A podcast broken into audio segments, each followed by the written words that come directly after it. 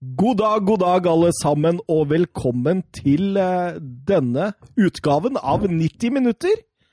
Fotballpodkasten eh, dri- Hva er det du driver med nå, Mats? Hæ? Prøver å justere mikrofonen. Altså. Å, du hadde ikke fått gjort det ennå? Og så er jeg litt lur, så legger jeg den sånn over notatene til Søren, der, sånn, så, så veit ikke han skjønner ikke han noen ting. Han prøver å obstruere før quizen i Ja, dag. jeg prøver å sette den ut Det er obstruksjon, det Ja, der. det er en obstruksjon. Eh, Åssen går det med deg? Jeg er sliten, faktisk. Jeg har jobba, jobba en del denne uka her med, med å flytte med Hvorfor brøyt du den. Nei, nei, nei, jeg bryter ikke. Å, har du ikke bryter? Nei, jeg har ikke bryter.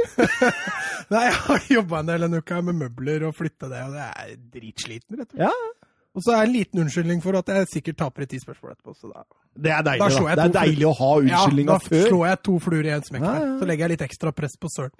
Hva med deg, Søren? Er du klar for å tape i ti spørsmål? Jeg kommer til å tape som det synger. Og så er jeg ekstremt glad for at det bare er to dager igjen til Bundesliga starter igjen. Det, oh, si. det skal bli veldig deilig. Vi skal snakke livefotball neste episode. Det blir deilig. VM i 2010. Ja, det får vi da bare vente til neste koronautbrudd. Men eh, jeg skjønner litt hvordan dere har det, fordi jeg vant vel runden med ti spørsmål nå sist, og når jeg gikk inn i den, så var det Altså, jeg visste jeg kom til å tape. Så en av dere, da, har jo en eh, gal feeling nå. En av dere må jo vinne. Og det ligger jo en eh, herlig boks med cookies på bordet og venter til eh, vinneren. Nice. Skal vi bare hive, rett, hive oss rett i det før vi eh, Kjør. ja, kjører før eh, vi begynner på VM i 2006? Ja. Da begynner vi med spørsmål én, da. Og det er som følgende.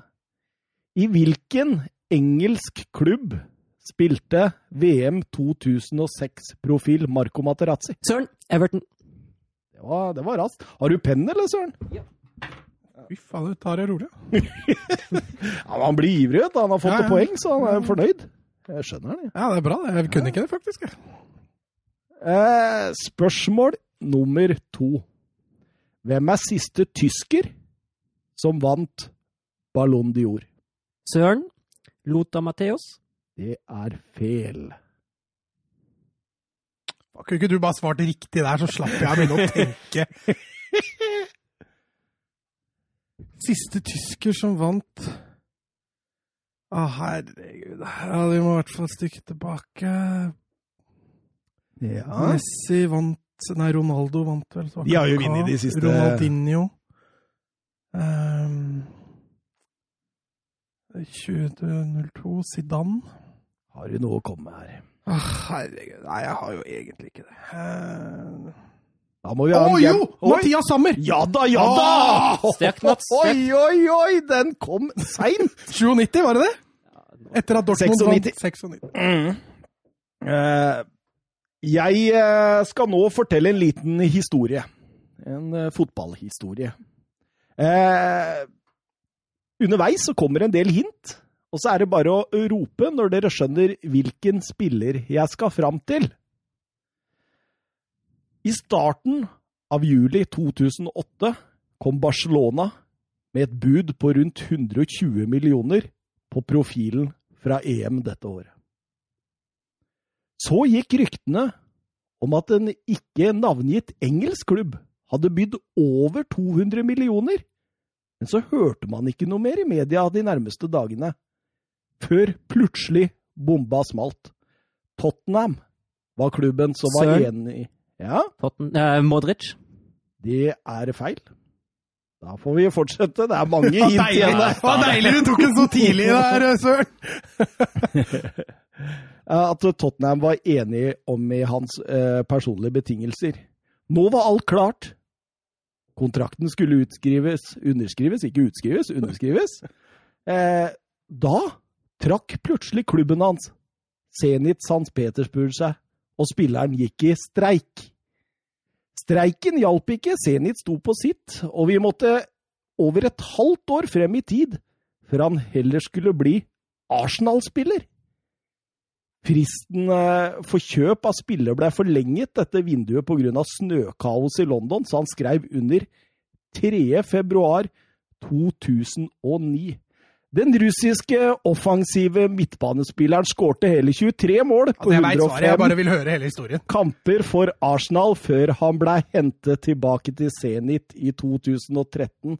Og hans initialer er AA. Ja, Det er vel André Arshavin vi skal Det er vel det, Mats. Da går du opp i en sterk 2-1. Du var litt tidlig der, Søren. Det var det. Da skal vi tilbake til VM i spørsmål nummer fire. Eh, hvilken spiller vant Fifa Man of the Match flest ganger i løpet av turneringen? Og det ble dørgende stille her. Ja, det, det står jo ikke noe statistikk i Jo, det. det gjorde det, gjorde det, skjønner du. I dette hvis du, hvis du leser gjennom eh, 2006 og Wikipedia der, så Ja, det står det, der står det under. Og så er det jo det er en del kandidater her. Um, Ja, du, Søren, jeg Søren, jeg er helt enig. Altså. Søren.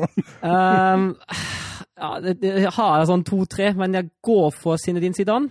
det er feil. Kan du si hvilket land han er fra? Nei, ikke hint ham, da. Det kan jeg vel ikke? Åh, nei, jeg tipper det. Ehm, nei, jeg hadde lyst til å si Klause, men det er det vel ikke. Den som blei VMs beste spiller, det var jo Zidane. Nei, Klause. Kan jeg gjette en gang til? Ja. Jeg tipper Gattuso. Nei, Pirlo, Pirlo! Pirlo, ja. Andrea Pirlo! Han var jo egentlig strålende. Da var det null poeng der. Da skal jeg fram til eh, en spesiell fotballkamp. Og jeg går fram sånn som du gjorde sist, ikke sant? Jeg eh, sier litt om eh, kampen, eh, og så kan dere bare rope når dere har skjønt åssen kamp jeg skal fram Er det bare laga du skal fram til? Eh, nei, åssen kamp. Ja, hvilken turnering? Ja, Hvilken turnering og hvilke lag som spilte den turneringa. Skal ikke ha tilskuertall? Nei, jeg bør ikke jeg, jeg bør ikke det. Eh, Kampen blei spilt på Ernst Happel stadion i Wien. Året var 2008. Schweinsteiger og Podolsky spilte. Søren, EM-finalen 2008, Tyskland mot Spania. Ja Den var, den var rask. Den var rask. Jeg vurderte å si det etter Ernst Tappels gang 2008, men jeg ville, jeg ville ikke være for tidlig igjen. Tenkte det var et sånn fint spørsmål for dere to, siden det var liksom Tyskland og Spania, ja. Spania og Tyskland. Eh, hvilken eh, dommer klarte det kunststykket under VM 2006? Å gi én spiller tre gule kort før han fikk et rødt. Å, jeg husker jo den situasjonen. Ja, det husker jeg òg. Ja. Men eh, skal du fram til dommeren? Ja, ja. Han er jo en eh, profilert dommer. Har ikke peiling. Nei, Søren, det var han engelske Kopp, eller hva han heter? Et eller annet sånt. Eh, ikke kopp. Og eh, Kapp. Kapp. Copperfield. Jørgen Kapp. Jørgen Klapp. Nei, eh, jeg tror dere Hvis dere ikke veit det, så veit dere ikke. Graham Paul. Paul, ja. Eh, skal fortsatt i et VM-spørsmål her, se. Eh, stillingen er nå Det er 2-2, faktisk. ja Hvilket spørsmål var det? Sju? Eh, vi er på sju, ja. Ja. Så dette er, eh, dette er close. Hvilke to spillere i VM 2006 skårte det første og siste spillemålet? Det første spillemålet var Philip Lahm, det siste var Marco Materazzi. Det er riktig, søren. 3-2 Nei, der. nå går, det altså. går for sakte opp i huet, ass. Jeg, ikke, jeg har ikke kjangs. Nei, Har du besøk av ass. Rullestolen begynner å eh, Vi kjører videre. Eh, hvem er jeg? Thomas Edvardsen. 3-3. Nei. Auxerre. Marseille. Nim. Leeds. Manchester United. Å, det blei stille. Å, herregud. Er det en, Altså, er det er det en VM 2006-profil? Nei, dette Ja, okay. Ja. ja, Jeg kan ta en råsjans, eh, Mats. da. Erik Cantona. Ja, det er riktig. Jeg tenkte jo nyere tid, da, så jeg var jo først på Oliver Dacour eller et eller annet der. men... eh, Han var jo innom Sheffield Wednesday, og det var derfor jeg ble usikker. Ja, ja. Men han prøvespilte vel kanskje. på det. Vi kjører spørsmål nummer ni, og stillingen er 3-3. Dette er å ta og føle på. Mesterligapokalen er som kjent en vandrepokal. Men du vinner den til odel og eie hvis du enten vinner turneringen fem ganger eller tre ganger på rad. Seks lag har denne mesterligapokalen til odel og eie. Kan dere nevne minst Mats! fem? Ja. Ja, hva, Mats? Der var du rask! Jeg visste det, jeg har ikke kjangs, da. Vent, da, du skal ha fem stykker? Ja, av de seks. Å, herregud. Jeg vil i hvert fall nevne Real Madrid, AC Milan, Barcelona, Liverpool. Mangler du ett? Har jeg fire nå? Mm. Og så er det bare to til? Ja. Um, altså hjelper jeg søren nå, vet du. Trenger han bare å kunne én, ikke uh, Jeg har lyst til å svare Bayern München, men de har vel ikke fem? Eller har de det? Benfica? Nottingham Forest? Hvor mange bom har jeg? Nei, Du har jo bare én bom. Altså, jeg kan bomme en gang? Ja. så- Nei, nei, nei. Du har, Altså, hvis jeg bommer da, så er jeg ryker, ferdig? Da ryker du. Å, Herregud. Da er det svaret ditt.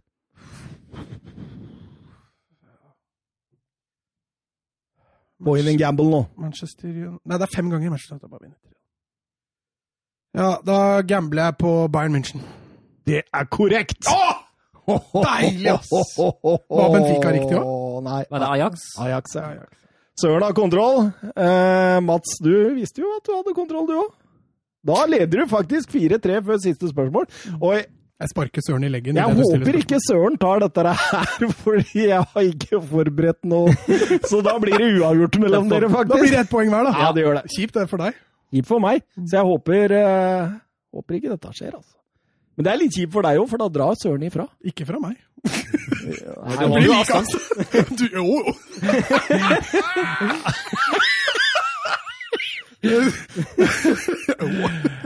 Spørsmål ti. Laget som har tapt flest Champions League-finaler. Mats. Å, Ja. er jeg kanskje kjapp nå. Kom igjen, Mats. Juventus. Det er korrekt, mann! Mats! Det jeg skulle fram til da, var at de har eh, ikke en eh, mesterligapokal til odel og eie, sånn som de seks vi nevnte. Men de, de har tapt hele sju ganger, og kun vunnet to. Det var sterkt, Mats. Da kan vi notere en pinne bak navnet ditt, og da, da begynner det å jevne seg ut igjen, faktisk. Ja, fint. Klokka er Men du, har vi eh, snakka om hvor lenge dette skal pågå? Egentlig skulle vi jo fullføre sesongen. Og Ja. så skulle vi kjøre en middag til vinneren. mm, Hvordan gjør vi det nå? da? Vi må fullføre sesongen, da. Vi kan jo Den ta, franske er jo ferdig! Ja, Men men, den- vi, har vi noen gang hatt en Nei, har her. Mats? vi kan jo ta ut juni. Det går jo an. Og så starte på en ny sesong i juli. Ja, vi, vi finner en løsning på det. Ok! Jeg tror ikke vi bør ta med oss eh, alle våre tusenvis av lyttere på det. Millioner. Vi kjører intro!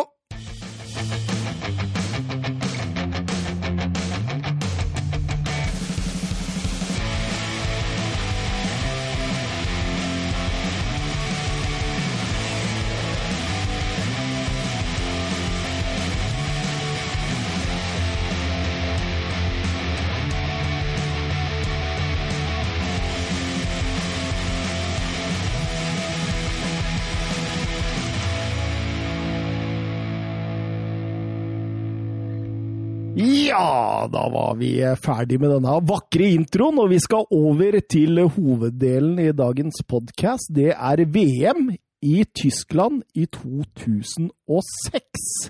Det var ditt nabolag, det, Søren! Det var det. Og jeg hadde jo blitt gammel nok til å huske en del ting nå. Så jeg jo Det var jo ikke nabolaget. Det var jo hjemme hos Søren. Var, var det Han er jo tysker, han er jo tysker jo! Ja, det er Hadde det vært. Østerrike, så hadde det vært nabolaget. Ja, Men du sier jo det sånn at det er nabo, okay, i nabolaget okay, ditt. Og. Ja, ja. Altså, jeg regner med at eh, Hanoffer, som han var på kamp på, ikke er hjemme hos han. Nei, nei, jeg tenkte han som tysker, jeg, da. Ja, ja, du tenkte han som tysker, ja. ja. Det var hje- hjemme hos deg, da, Søren. I hagen! ja, mer eller mindre. Og eh, ja, du, du fortalte jo at du hadde vært på en eh, VM-kamp i dette året òg. Ja, jeg var heldig. Fikk uh, billetter til toppkamp mellom Sveits og Sør-Korea. eh, I Hannover. Det var, altså, var, jo, var jo gøy å være på en, en VM-kamp. Så det begynte å heie ganske tidlig i kampen på Sveits, siden vi satt blant masse sveitsere, og da ble det Sveits. Sør-Korea hadde jo litt frynsete rykte etter 2002 òg, da. Med Hvem- hvem vant? brutale Sveits vant 2-0. Så laget ditt vant, altså. Deilig. ja, um, vi, vi kan jo egentlig bare hoppe rett til gruppespillet, egentlig, og gruppe A. Der finner vi eh, Tyskland, hjemmenasjonen, sammen med Ecuador, Polen og Costa Rica. Og, og teorien din den holder seg, Mats, som at eh, vertsland de eh, får en OK reise gjennom gruppespillet. Ja, det var ikke noe unntak nå. Forklarte jo litt det hvorfor sist, at de er som regel sida i pott én. Men eh, jeg må jo si at eh, Tyskland var eh, Jeg vil ikke si heldige, men, men det var en ålreit trekning for Tyskland, det der. altså. Ingen tvil om det. Vi snakka jo litt, Søren, om at Tyskland i 2002 på papiret hadde en svak tropp til Tyskland å være, selv om de kom helt til finalen. Eh, 06-årgangen eh, med Jørgen Klinsmann så jo egentlig ikke så voldsomt mye bedre ut. Nei, altså, jeg, tror det er to viktige forskjeller her. Eh, og det første er at eh, sentrale spillere som Frings Ballak og Klose nå hadde nådd sin beste alder. De var på slutten av 20-åra og egentlig på, på sitt beste rundt den tida da, selv om Klose holdt det jo gående veldig lenge. Um, og så er det jo sånn at de hadde mange unge spillere. altså Schweinsteiger, Podolsky og Lam var jo, hadde ganske tidlig blitt, blitt ganske gode, i tillegg til, eh, til Mertesacker. Så ble det, ble det pepra med, med en lynkjapp Odonkoi, uh, som aldri egentlig ble så god som man i 2006 kanskje tro, trodde han skulle bli. Og da ble det jo ganske, ganske OK likevel, da. Det ble, ble i hvert fall mer underholdende enn 2002. Og Oliver Kahn på 36 mista plassen til unge Fredalsstormene Jens Lehmann Ja, det var jo, det var på 36, tror jeg. Ja, det var stor debatt uh, i Tyskland før, fordi da Klinsmann uh, tok over i 2004, så gjorde han det veldig tydelig at uh, det er ikke noe klar nummer én. Jeg, bestemmer, jeg bruker de to åra opp til VM til å bestemme meg, og det gjorde han den 7. april. Da sa han at Lehmann blir førstevalg og Kahn andre.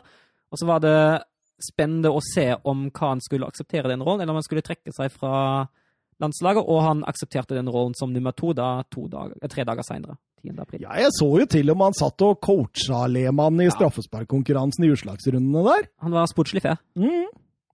Ja, det er ikke dårlig. De, de hadde jo også eh, Ecuador i gruppa si, som debuterte i eh, 2002, eh, og var på plass igjen nok en gang fire år etter.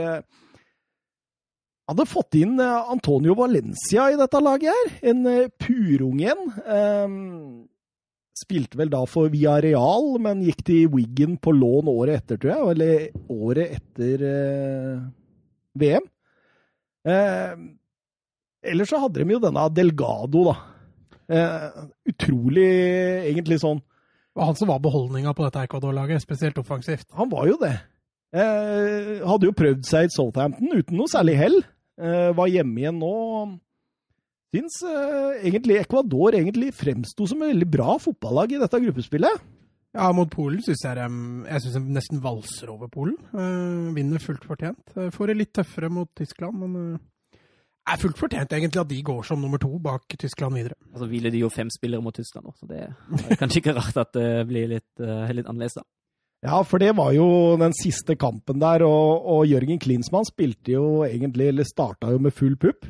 Ja, fordi eh, Nå er det jo en stund siden, men jeg mener å huske at han, at han sa at han, hadde, at han hadde lyst at laget skulle fortsatt bli innspilt, at han ikke brøyt, eh, brøyt flyten i laget som det har fått de første to kampene. Og det var ikke en dårlig avgjørelse, det.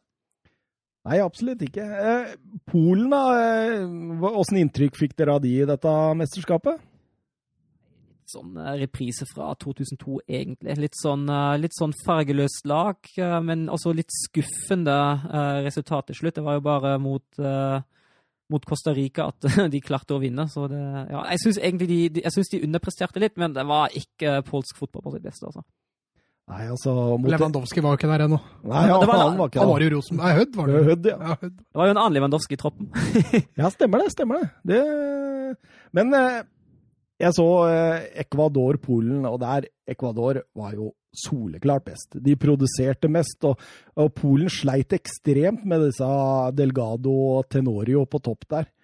Eh, det var, eh, det var egentlig klasseforskjell mellom disse to laga, og eh, selv om de på en måte holder jo Tyskland lenge Ja, til Polen, ja. ja. Mm.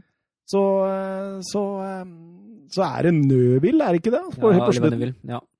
Men altså, synes jeg, altså, i den kampen Tyskland er jo, er jo best på over 90 minutter. Det er jo egentlig mest uflaks og udyktighet at Tyskland først skårer så seint. Ja, absolutt. Så har vi Costa Rica, da. De havna jo til slutt sist i gruppa. Men OneShop skåra, det var jo Da er de jo redda, da. Ja. Og så så jeg at han Bolanjos og han Douglas eh, Sekira Ja. eh, var i troppen, faktisk. De kjenner vi jo igjen fra Bolanjos var i Start, var han ikke det? Stemmer. Og FCK. Ja, og Sekira i Tromsø. Mm. Skulle jo bli en sånn tippeligatrend, det, vet du, Søren, å hente costaricanere. Eh, Barantes og Gamboa og Celso Borges, så husker du det? Det det, det, det var når Ja, tippeligaen hadde penger. Ja, du sa Gamboa, stemmer det. Mm. Han var jo i Fredrikstad først, tror jeg. Ja. Men eh, Tyskland, eh, overlegne, full kontroll i gruppa. Ni poeng, ingen problem. Ecuador, fullt fortjent, eh, slår følge. Polen og Costa Rica, den sender vi hjem. Fullt fortjent. Da går vi over til gruppe B. Der finner vi eh, lagene England, Sverige, Paraguay og Trinidad og Tobago. Tobacco. Ja, med Dwight York. Med Dwight York. Som sentral, dyp midtbanespiller. Og Leo Benhaker som uh, treneren, eh, Søren. Ja, det I ringreven med lag som uh, Nederland, Real Madrid og Ajax på CV-en, gjør jo en av tidenes bragder, da. Når han tar dette Trinidad og Tobago-laget til VM. Det, altså, hadde det ikke vært for Dwight York, så tror jeg det er mange der ute i fotballverdenen som ikke visste hva Trinidad og Tobago var engang. Ja, han satte dem litt på kartet. Det gjorde han jo tidlig i karrieren, tror jeg. Eh, Det var jo kjempegøy at de kom seg til VM. Jeg visste jo at der hadde de jo ikke så mye å gjøre, selvfølgelig. Men eh, de fikk jo, ta, fikk jo med seg noen resultater. Ja, altså, jeg syns ikke de gjorde seg bort. Altså, det, var jo, det var ikke en lettgruppe med England, Sverige og Paraguay for dem. Altså, å gå hjem med ett poeng og 0-4 i målforskjell, det er altså For et lag fra Trinidad og Tobago syns jeg det er respektabelt. altså. Men det skal sant sies at Sjaka Shaka Hislop han spilte ganske bra i den. Han gjorde det. Mot Sverige der, var det det? Ja, han var, han var jo en levende vegg, egentlig. Um, Og Sjaka Hislop òg hadde jo grei karriere, han òg. han uh, var en tur innom Newcastle, uh, Westham og Portsmouth, så vidt jeg veit, i hvert fall. Ja, jeg husker han definitivt best fra Newcastle, i hvert fall.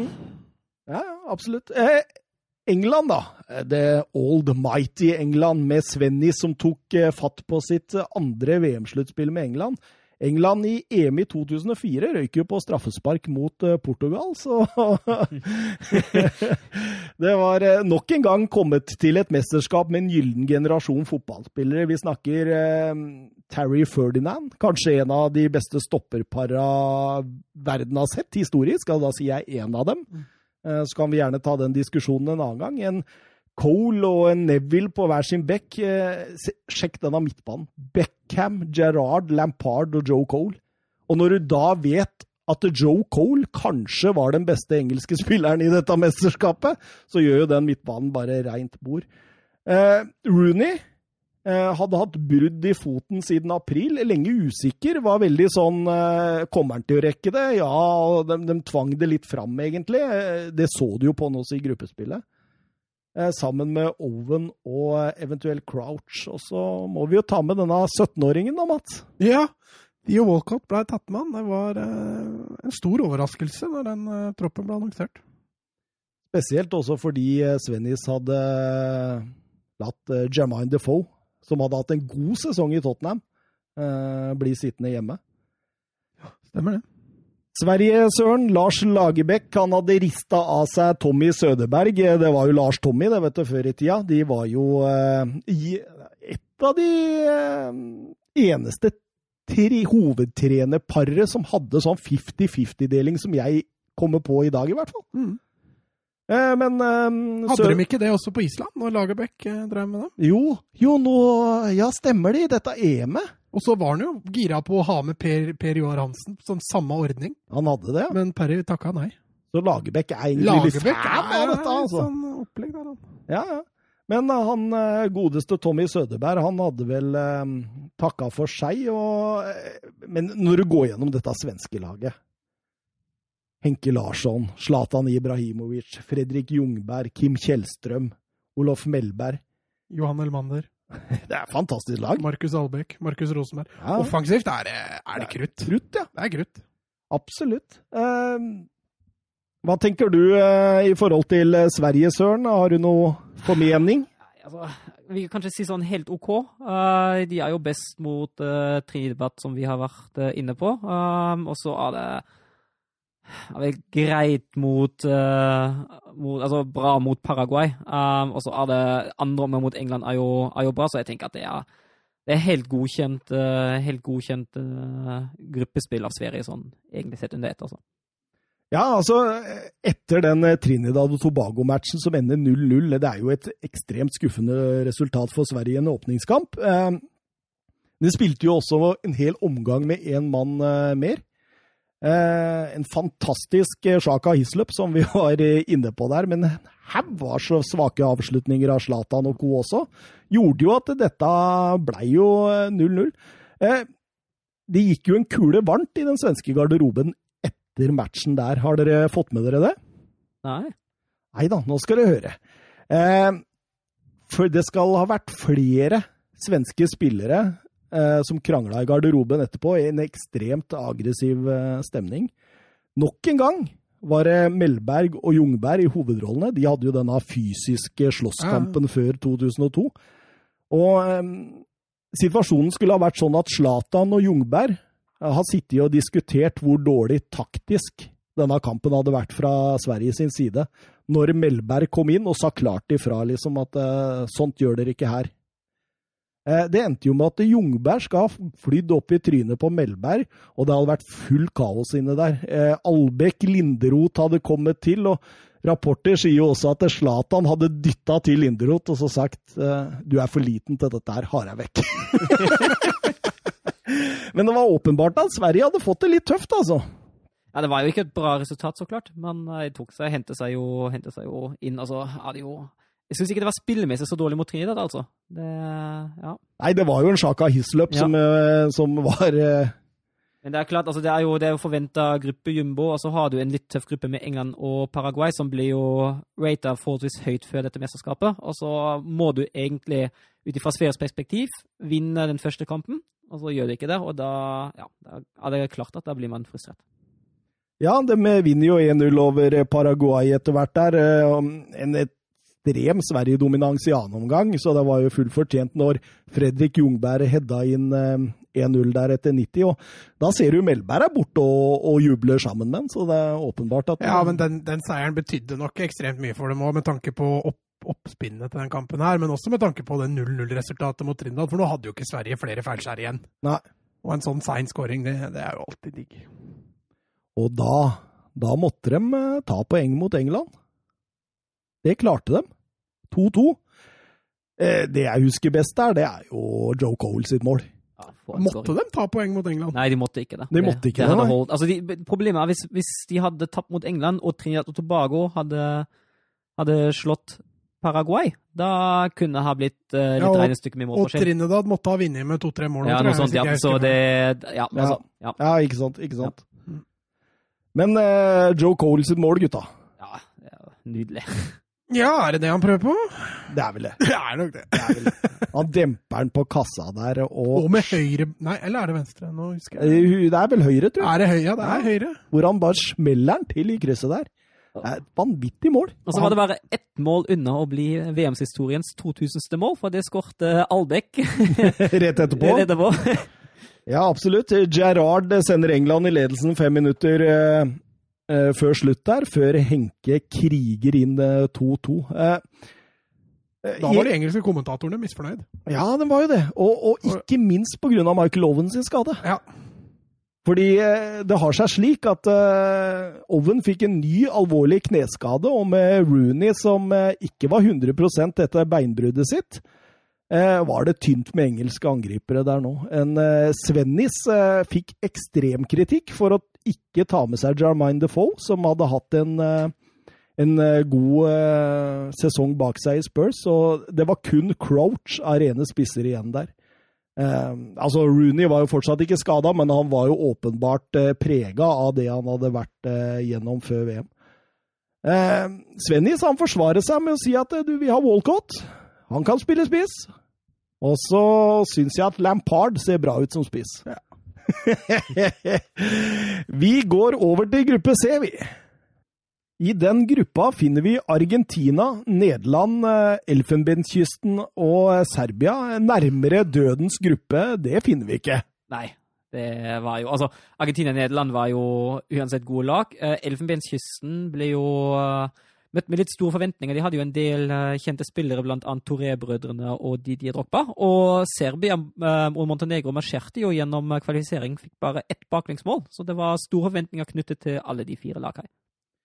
Ja, det er, det er jo Nederland med, med det arsenalet av offensive spillere. Altså, vi snakker Robin van Persie, Ruud van Nistelrooy, Dirk Coit, Wesley Snyder, Arjen Robben, Rafael van der Fart. Og du kan bare fortsette og fortsette.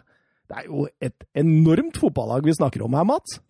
Ja, men det er først og fremst offensivt. Jeg husker det, Jeg så satt og så det, så husker jeg at den en Joris Matheisen skulle altså styre dette her mye defensivt for Nederland, og det var, det var liksom litt det som var ankepunktet til nederlenderen òg. Altså, spilte ved siden av Khalid Boularus og Og Johnny Heitinga og André Oyer. Det er, det, er, det, det er, som dere sier, altså. Det er, et visst skille der mellom offensivt og defensivt. De hadde jo en van Bronckhorst da, som var, decent, selvfølgelig, men, men, Nei, det var det defensive som var negativt for Nederland. Offensivt var det jo Ja, det var for mange stjerner, rett og slett. Og Argentina, da, med José Pekermann, som tok over dette laget i 2004, cruisa gjennom kvalifiseringen til uh, dette verdensmesterskapet. Pekermann hadde jo hatt stor suksess med Argentina U20 i mange år, og var egentlig på en måte eh, håpet til Argentina nå, da. Uh, for et lag de også har. Jeg sa det til deg rett før sending her, det er et sexy fotballag. Ja, det er mye deilige fotballspillere der, og også, det er også først og fremst offensivt. Men, men, de hadde litt mer å gå på defensivt enn det Nederland hadde. En, en Gabriel Heinze og ikke minst Roberto Ayala som var, eh, var bra. Eh, det, og Argentina var et av de mest underholdende lagene å se på i det mesterskapet. der. Vi kan også nevne at eh, Lionel Messi var tatt ut til sitt første VM. Ja, 18 år gammel. Mm. Litt læregutt, men fikk minutter. Han fikk minutter. Han, Han fikk, fikk sitt første VM-mål òg. Det er helt nydelig. Men en jeg fikk veldig sans for når jeg så um, på Argentina altså, altså, jo, OK. Rikelme, nydelig. ikke sant? Uh, Aymar, nydelig. Saviola, uh, veldig bra. Jeg kan ikke huske han så god som han var faktisk der. Uh, men Maxi Rodriguez ja, den kampen mot uh, Serbia-Montenegro, hvor han skårer vel to, og så putter han jo et fantastisk deilig mål i, i neste kamp. er... Uh han hadde jo en helt ålreit karriere i Atletico Madrid, men han var ikke noe spesielt. Uh, så det, er, eh, det, var litt rart å se han var så god.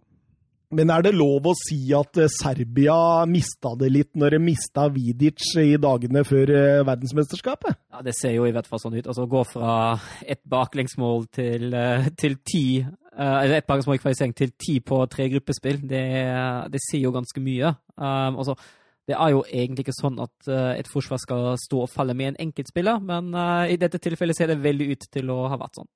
Det er litt som Mats sa her, at tar du van Dijk ut av Liverpool, uh, så, så, får du omtrent samme effekten. det stemmer nok, det. men Argentina, da åpner jo mot Elfenbenskysten. Eh, vinner 2-1. Eh, Crespo med 1-0 der etter 24 minutter. Men det er pasningen til Rekelme på 2-0 der jeg skal fram til nå. Ja, Den, den han slår nydelig i bakrommet, den der. Ja, det var, det var stor klasse på den pasningen, uten tvil. Ja, så jeg kaller det magisk. Ja, altså alt stemte jo der, da. Den var vekta perfekt, og Saviola tima løpet helt nydelig, så og Rikke Elme har jo både roen og, og, og, kreativiteten til å slå den ballen, og avslutninga til Saviola toppa jo egentlig bare hele det spillet. Eh, nå kommer vi vel til, eh, til, Argentina. Var det mot Serbia, hvor de hadde 72 pasninger før de skåra? Jeg tror det var det. Ja, det var mot Serbia. Mm. Ja, ja, ja. Den Cambiasso 2-0 ja, der. Helt riktig. Det er vel VM-rekord. Ja, det står vel det dag i dag, tror jeg. Eh, antall pasninger før scoring. Den er helt vill. Jeg får, jeg får litt sånn uh, tiki-taka-vibes over, over, Argentina, særlig mot Serbia. Ja, Men det var Serbia som ikke var på jobb. ja det, det kommer jo til. Men det er også bra spillere på det Serbia-laget, så det å kimse av resultatet, det føler jeg også blir feil. Men jeg er jo helt enig med deg. altså det, det rakna jo fullstendig for Serbia utover andre omgang. Og eh, ja, det blei jo en kamp da mellom Nederland og Argentina til slutt eh, om å bli gruppevinner. Eh, Nederland måtte vel vinne for å bli det. Ja, uavgjort holdt ikke, for da hadde Argentina bedre målforskjell. Så de, de måtte vinne for å vinne gruppa. Messi fra start. De hadde triksa litt og miksa litt. Han Pekermann der sparte litt spillere og Ja, altså Messi fikk jo, ikke, mm, fikk jo ingen minutter i åpningskampen mot Elfenbenskysten, og så fikk han jo et vellykka innhopp mot Serbia. Skåra mål der og spilte veldig bra, så da fikk han sjansen fra start da, mot uh, Nederland. alt i alt fortjent at Argentina tar gruppeseieren. Ja. Endte 0-0, da, skal vi nevne det. Det, det endte 0-0. Ja, men jeg, jeg syns også mot Nederland er Argentina også best, selv om det ender 0-0. De har jo blant annet et skudd i stolpen, så det syns jeg er helt fortjent at de vinner gruppa. Spiller altså soleklart finest fotball i den gruppa der. Men de hadde et mye bedre balansert lag enn det Nederland hadde, som vi var inne på. Altså, det er så ubalansert, det nederlandske laget. Det er litt sånn som vi kommer til det med, med Brasil. Det er så mye ubalanse i det laget at uh, det er dømt å mislykkes.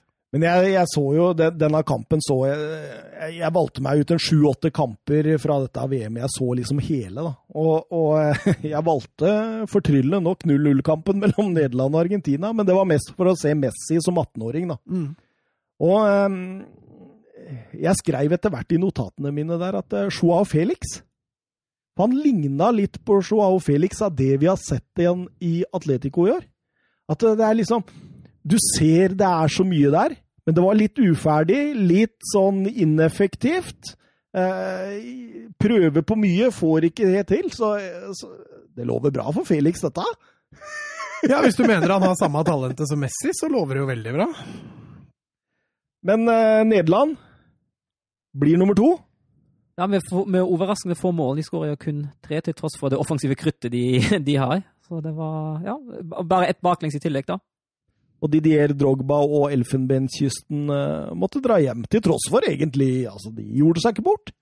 Nei, og så hadde de jo egentlig den troppen som kanskje skulle gjøre at de skulle bli den store afrikanske Hva skal vi si, laget som skulle gå lengst mulig. Det var vel det som var på forhånd, men eh, det å havne i dødens gruppe, det, det skulle felle dem, rett og slett. Ja, og så var det jo forsvarssvakhet. Altså, de lå jo unna De fikk jo to, to i kassen i hver kamp i løpet av første omgang, og da, da blir det vanskelig, særlig mot eh, lag som Argentina og Nederland.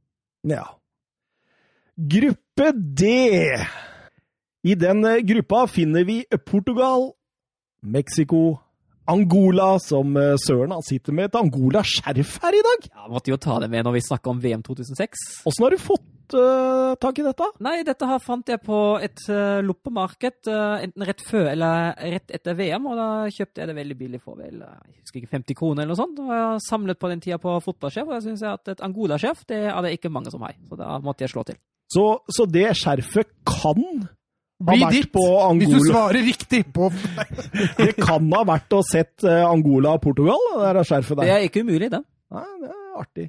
Kanskje det var en sånn eh, litt hårsår eh, Angola-fan eh, når han forsto at dette var hjem etter tre, tre runder, som bare solgte det og dro hjem.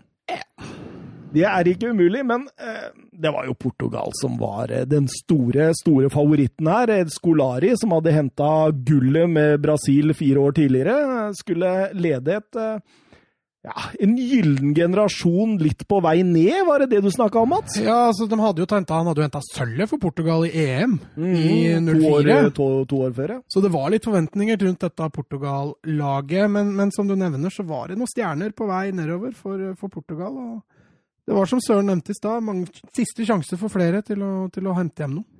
En Deko, en Figo Ja, Deko fant vi vel ikke helt ut hva Nei. vi ble enige om, men det skulle vise seg at Figo i hvert fall spilte sitt siste, siste VM, og det var jo en Cristiano Ronaldo på vei opp og fram, riktignok. Men, eh, men bak han og Figo så var det, var det mye gammelt og tynt. Ja.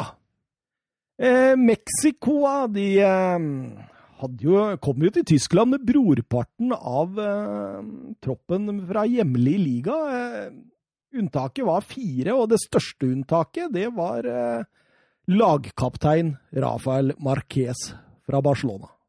Ja, han spilte jo stopper og defensiv midt i Barcelona på den tida, han, så han, eh, Han var kaptein for dette Mexico-laget, og, og ja, de så jo til tider OK ut mot Iran, syns jeg. De vinner jo selvfølgelig fullt fortjent. Eh, det var jo en Omar Bravo som skåra to mål, og det var litt diskusjoner rundt han i Mexico før den matchen, for det var, eh, det var ikke han som egentlig skulle starte, mente fansen. Eh, han skåra to mål, og hørte ikke så mye mer. Ja, Den ble, Ja. ble jo leda av treneren Ricardo La Volpe. Han, eh, han var jo en trener som fikk veldig gode resultater i Mexico, og fikk plutselig jobben eh, etter VM i 2002. Eh, med beskjed om å bygge laget opp mot VM i 2006. På veien vant han eh, Gold Cup i 2003, og de fikk såpass gode resultater at i en periode så lå de eh, rett før mesterskapet her på fjerdeplass i Fifa-rankinga. Så det, det var jo et brukbart fotballag, Søren. Ja, det var det jo. Jeg husker også at Pavel Pardo, han sentrale midtbanespilleren, og Osorio, høyrebekken, de imponerte såpass mye at de ble henta av tyske Stuttgart etter, etter mesterskapet, og var med på å vinne et overraskende seriegull for Stuttgart eh, i 2007, så året etter. Så ja, det var absolutt ikke et dårlig fotballag, selv om det var selvfølgelig mange fra den hjemlige ligaen, og det er alltid litt vanskelig for, for oss som følger mest med på europeisk fotball, å bedømme, selvfølgelig. Så syns jeg det er litt artig at uh, Gonsalves, treneren til Angola før mesterskapet, ringte til uh, José Mourinho. Eh, kona til José Mourinho er fra Angola. Så eh, de hadde et eh, visst bekjentskap, etter hva jeg forsto. Og eh, han ba Mourinho være med og ta ut troppen til Angola etter dette mesterskapet.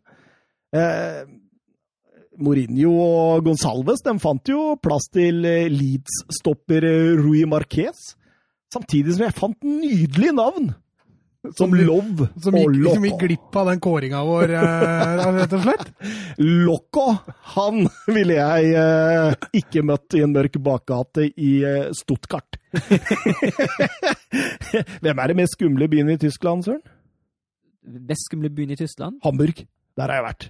Det er skummelt enkelte steder der, Det, altså. kan, det, er, det er jo Hvor mange steder var du i Hamburg, egentlig? Altså, Reperbanen, i hvert fall. Det er bare det skummelt. Nei, Jeg vet, ikke. Det er vanskelig for meg å, å si noe om, egentlig. Om, Nei, I Norge ville vi sagt Bergen. Det er skummelt som fy.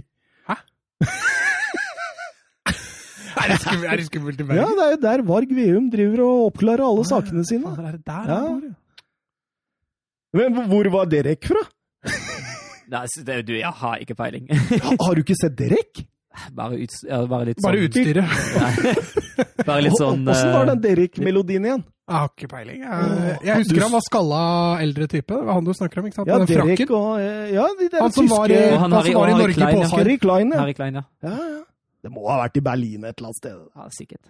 Eh, over, til, over til Iran. Eh, skal vi si noe Det var store motsetninger. Skal vi si noe særlig om dem? Eller Medie Madavikia var jo stort sett den eneste jeg kjente igjen der. Ja, jo, han fikk jo en veldig ålreit karriere i Hamburger SV. Ble vel da en uh, god stund og spil, presterte på ålreit Bundesliga-nivå. Eh, Ali Daya? ja. Ja, Ali Daya med 37 år, fortsatt landslagskaptein, og med 147 landskamper før dette mesterskapet, så det kan man, eh, kan man jo nevne. Ellers var det jo knytta store håp til Ali Karimi, som ble signert av eh, Bayern, eh, og som han aldri klart, aldri klart å innfri.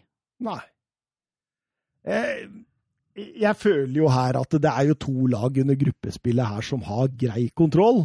Portugal og Mexico. De to andre har i realiteten ikke sjanse. Det, det, det, vi, vi, må kunne si det sånn. Eh, så spesielt Portugal mot Iran. For en kamp Deko gjør der! Han er eksepsjonell! Og eh, det er jo også han som tar ansvar og hamrer ballen i mål fra langt hold der på 1-0. Eh, Ti minutter før slutt setter vel Ronaldo 2-0 på straffespark. Det må vel være hans første VM-mål, da? Riktig. Mm. Men eh, Deko var vel også opprinnelig brasilianer. Ja. Av samme likhet med PP, som Stemmer, også stemmer valgte å spille for Portugal. Oi, oi, oi. Skal vi gå over til gruppe E, eller? Ja. Vi eh, rusler over til gruppe E med en gang, vi.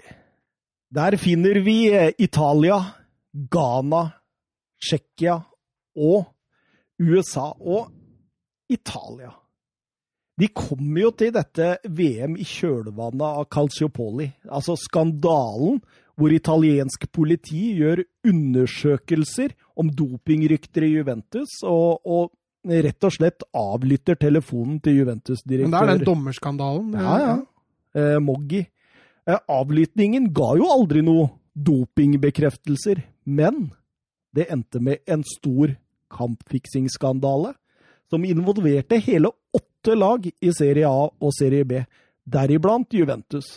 Andre store klubber som var dratt inn i dragsuget fra liksom dag én, da, det var Lazio, Fiorentina og Odinese.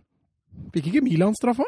Jo, dem, eh, Milan eh, kommer litt etterpå okay. i, eh, i For det, det starter jo 11. mai, alt dette med at Juventus trekker jo hele styret. Eh, eh, dagen etter så er det fire Juventus-spillere som er under lupen for å ha satsa penger på kamper de selv har spilt i. To av dem finner vi i den italienske troppen, i Buffon og Canavaro. Eh, noen dager etterpå så trekker eh, VM-dommer eh, Massimo Di Santis eh, seg fra mesterskapet fordi han er etterforska. Og noen dager etter der igjen blir hele italienske fo- fotballforbundet satt under administrasjon. Hele 71 italienske klubber som har handla med spillere i Juventus på denne tiden, fra 2000 og utover, får beskjed om å gjøre avtale med Dommerforeningens sekretær Manfridi Martino, og AC Milan blir heretter trukket inn i det. Eh, rapporten sier at Juventus har under Moggi og eh, Giraudo eh, sørga for å ha de riktige dommera, i hermetegn, eh, til sine kamper. Rapporten går ut på at dette ikke handler om kun én sesong, men over flere sesonger. Rapporten kommer midt under dette mesterskapet! Så du kan bare tenke dere, liksom. Ja, det er fint, det. Og flere konkrete episoder som gagner Juventus og Fiorentina opp mot spesielle dommere, blir trukket fram i rapporten. 27. juni, som er også under utslagsrunden her, så hopper jo Pesotto ut av vinduet, som vi var inne på i, for et par episoder siden, var det det? Og eh, under mesterskapet så starter denne rettssaken. Fem dager etter VM-finalen får Juventus, Fiorentina, Lazio beskjed om dere er degradert til Serie B. Eh, Får også store poengstraffer. Milan får også poengstraff. eh, Mister sin plass i Europacupen, men får bli i Serie A. Alle anker. Eh, Anken behandles 25. juli, rett etter VM. Fiorentina og Lazio får dermed bli i Serie A. Eh, Poengstraffen blir trukket noe. Juventus må ned til Serie B. Og i Italias VM-tropp og Calciopoli og alt dette, så er det jo en haug av spillere som har altså på en måte eh, tilknyttelse til de klubbene det er snakk om her. da. Altså, Vi snakker Buffon, Canavaro, Sambrotta, Camoranesi, Del Piero, Peruzzi, Oddo, Lucatoni, Inaquinta. I tillegg til at Nesta, Gattuso, Pirlo, Gilardino og Insagi kom etter hvert med AC Milan-greiene. Tenk dere for en stemning under mesterskapet. Tenk åssen dette her har vært! Jo, men det er nok noen ordentlig profesjonelle fotballspillere det som har med å gjøre der, som greier å holde det der på avstand og greier å prestere. For uh, det var jo levebrødet dem som sto på spill hjemme i Italia, og allikevel så presterte de på et beundringsverdig nivå. Eh, har du noe å si, eller søren? Nei, altså eh, det, Jeg er jo enig i det Mats sier. Det, det Men, men det er jo litt det- sånn Det er vanskelig å stole på italienere, føler jeg, på, Ja, etter altså, det her. Jeg må jo, jeg må jo gripe jo litt, eh, litt i forveien her, men jeg må jo personlig innrømme at eh, 2006 eh, det, er, det er året der jeg mista sansen for det italienske landslaget. eh, på grunn av det som skjedde i Serie A, på grunn av hvordan eh, hvordan, Italia, hvordan jeg oppfatter Italia som litt usportslig på banen under store deler av mesterskapet, og av eh, det som skjedde med Torsten Frings etter, etter kvarten mot Argentina. Altså, Da veit jeg det at det er veldig mange som fikk sansen for det italienske landslaget under dette VM-et. Så det er jo motsetninger i fotballen, og det, det, det er veldig deilig. Eh, Italia var jo leda av Marcello Lippi, eh, hadde jo et solid lag med seg, men, men, men han følte jo hele tida at eh, denne Calciopoli og alt det der, der og de, de, de var jo langt ifra noen av favorittene til dette mesterskapet. Ja, jeg sa vel på forhånd her før vi gikk på at de har mangla en Pirlo. Eh, jeg sa det vel kanskje under eh, Nei, jeg tror ikke vi hadde trykka på record da når du sa det. Men, men en Pirlo han var jo strålende i dette mesterskapet, og den offensive delen den hadde de jo fortsatt etter 2002, med, med Totti og Del Piero, riktignok litt på vei ned. men en Luca Toni, en Gilardino som var, eh, som var bra, og en La Quinta som overraska veldig mange, tror jeg. Eh, Pippo Insagi var der, og det var eh, Og et stoppepar da, som egentlig skulle vært Canavaro og Nesta, som dessverre blei skada, dessverre. Eh, Så det Men det var kanskje ikke dessverre, når du Nei. tenker på Hvordan det gikk til slutt, så var det kanskje greit for Italia, men, men eh, for fotballverden generelt så hadde det kanskje vært best om Nesta hadde spilt. Og Så var det litt sånn i kampen mot Tsjekkia, i det er vel andre kampen der, hvor eh, Daniele De Rossi får et rødt kort. Mm. Inn der kommer Gattuso, og han gjør plassen til sin, altså. Ja, han tar over. Han gjør rett og slett det. Ja, nå fikk jo Nå fikk jo De Rossi fire kampers karantene for den, for den taklinga, da. Så det sier jo det aller, aller meste. Eh, de andre lagene der i denne gruppa, eh, Ghana eh, Artig bekjentskap. Vi snakka litt om det, at eh, åssen var det igjen, Mats? Eh, Kamerun i 90, eh, 94 var det Nigeria. Nigeria. Og, 98 var det Nigeria. Og i 2002 var det Senegal. Senegal. Og nå var det Ghana sin tur. Det er alltid et sånt afrikansk lag. Og så blir jo Ghana fire år seinere òg. Det er jo Ja, ja, ja, må ikke du spoile noe Jeg er fortsatt veldig Du, nå skal vi snakke tysk og Bundesliga. Nei, altså, det, blir, det blir fint, det. Men eh, ja, nei, men altså, de har jo de har absolutt ikke et, eh, et dårlig fotballjakt med Appia, Essien, en, en ung Montari. Det er jo, eh, er jo gode spillere, det. Så ja. Altså Litt vanskelig gruppe, men uh, profitterer jo kanskje litt av at uh, Tsjekkia etter hvert slet litt med skader. Så glemmer du Rashak Pimpong, som var i, i, var- var i Viking, husker du han? Ja, ja. Mm. Ja, for Tsjekkia også. eh, Altså, det var jo Hadde gjort noen store EM-bragder, kan du si, opp mot dette. Eh, Ja, de hadde en sterk tropp, tsjekkerne også. De var riktignok en Nedved på, litt på vei ned. Han også var vel med i denne skandalen som du, du nettopp var innom. Eh, og så hadde de jo en Poborski som begynte å dra litt på åra, men de hadde jo en Jan Koller som var bra. En, en Uifa-Lucy som også, som du sier, blir utvist. da. Eh, Så han blir litt, eh, blir litt karantene der. En Jan Kulowski som fikk en OK karriere i Milan, og Peter Czech, veit de fleste om. Thomas Resjiski var jo skadefri. Mozart. Mozart. Fotballens Mozart der alt så, så det var et, eh, det var et meget spennende Tsjekkia-lag som vi dessverre ikke fikk eh, se blomstre fullt, eh, bortsett fra i åpningskampen.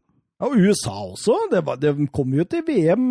Han, Bruce Arena hadde jo bygd opp det mest suksessfulle USA på gjennom tidene. Altså suksessen i VM i 2002, eh, hvor de kontroversielt, kan man si det, ble slått ut av Tyskland.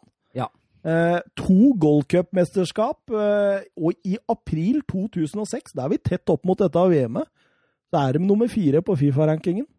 Ja, så har de jo, de har jo altså de har litt utur. De er, de er riktignok uh, svake mot Tsjekkia, de spiller en forferdelig åpningskamp, men så, så er de jo, eh, holder de jo absolutt, absolutt på høyden med Italia i andre kamp, synes jeg. Og så har de, eh, har de forferdelig, et forferdelig balltap av eh, Reina og en billig straffe mot Ghana som feller dem der. Så Mm. jeg synes de har, altså, Det er litt, både litt udyktighet og litt uflaks at det gikk som det gikk med USA, det mesterskapet der. Absolutt. Eh, forresten, eh, 1-1-kampen i Italia-USA der. der kom jeg, liksom, den hadde jeg helt glemt. Fiolinfeiringen til Gilardino. Han- Det er, det er så nydelig. Jeg kan ikke noe for det. Altså, det eneste jeg forbinder med Gilardino, er kampen på Celtic Park. Altså. Han får seg-. Har du ikke Nei, jeg Jo, jo, den filminga er verdenskjent. Jo, jo, jo, Han får seg kakk på hælen, og så løper han fem meter, og så tar han det mageplasket. Og etter det så er det Det er Gilardino for min del. Men Italia tar seg eh, videre. Sju poeng. Eh, Ghana slår følge, og Tsjekkia og USA må hjem. Ja, jeg har vært innpå før. Jeg tror Tsjekkia fort hadde klart det, hvis ikke de hadde slitt med røde kort og skader og suspensjoner. Men eh, det profitterer Ghana på. Artig! Artig oppgave klarer. Jeg flira litt av Bruckner, han treneren til Tsjekkia. Han sa vi la vekt på mesterskapet, at vi skulle unngå utvisninger i gruppespillet. Da flira jeg litt, faktisk, for det, det blei litt utslagsgivende. det for... eh, Og så så du en Peter Sjekk uten hjelm. Ja, den hjelmen kom vel ikke før den episoden i Chelsea. Var det i 2009? 010? 010. Det er vanskelig. vanskelig. Så Check hadde det fine håret sitt, han. Vi eh, hopper elegant over til gruppe F. Og i gruppe F finner vi jo da Brasil, Australia, Kroatia og Japan. Ja, Australia var det laget som husa flest Blackburn-spillere det, under det mesterskapet der. Eh, Lucas Neal og Brett Emerton. det er helt riktig, Edvardsen. Det er sterkt. Mm Eh, I tillegg så hadde de jo store stjerner som Harry Kewell, eh, Mark Viduka og Hvem var den siste, søren? Cahill. Cale, selvfølgelig. Team Cale. Schwarzer, da. Skal vi, vi må ta med han ja. Var Middlesbrough? Nei. Eh, jo, blant annet. Og Fulham og litt sånn. Han var litt eh, rundt omkring. Eh, The Socceroos hadde jo eh, kvalifisert seg for andre gang til et VM-sluttspill.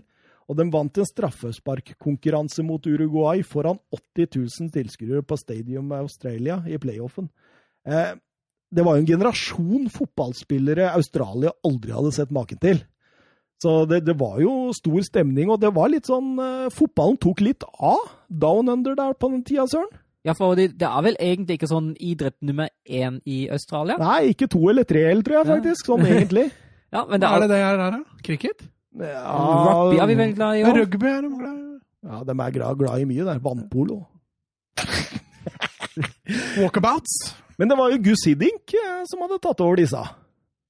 Ja, han eh, kjørte på med Australia, og Australia de, de gjorde det sterkt. Eh, anført, vil jeg si, da, av en eh, Team Cahill som var, eh, var strålende. Kom vel inn i første kampen og avgjør matchen for Snur Australia. det helt. Ja, snur det helt. Ja. Eh, Det var to innbyttere som avgjorde det da. John Aloisi var Aston nei, Westham. ja, han var i hvert fall en tur innom eh, Premier Ja, han var en tur innom der. Mm.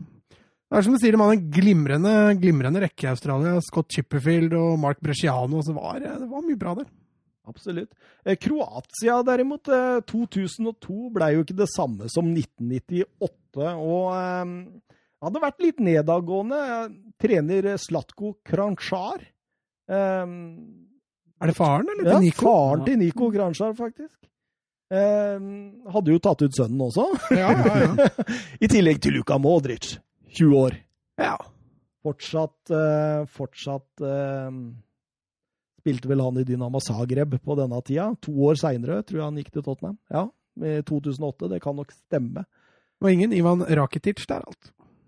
Ingen eh, Ivan Rakitic, men du hadde Juventus-duoen Robert Kovac og Igor Tudor. Eh, Dario Simic, som vi var inne på i eh, Nei, det var Simunic Ja. som fikk disse tre gule korta av Graham Paul.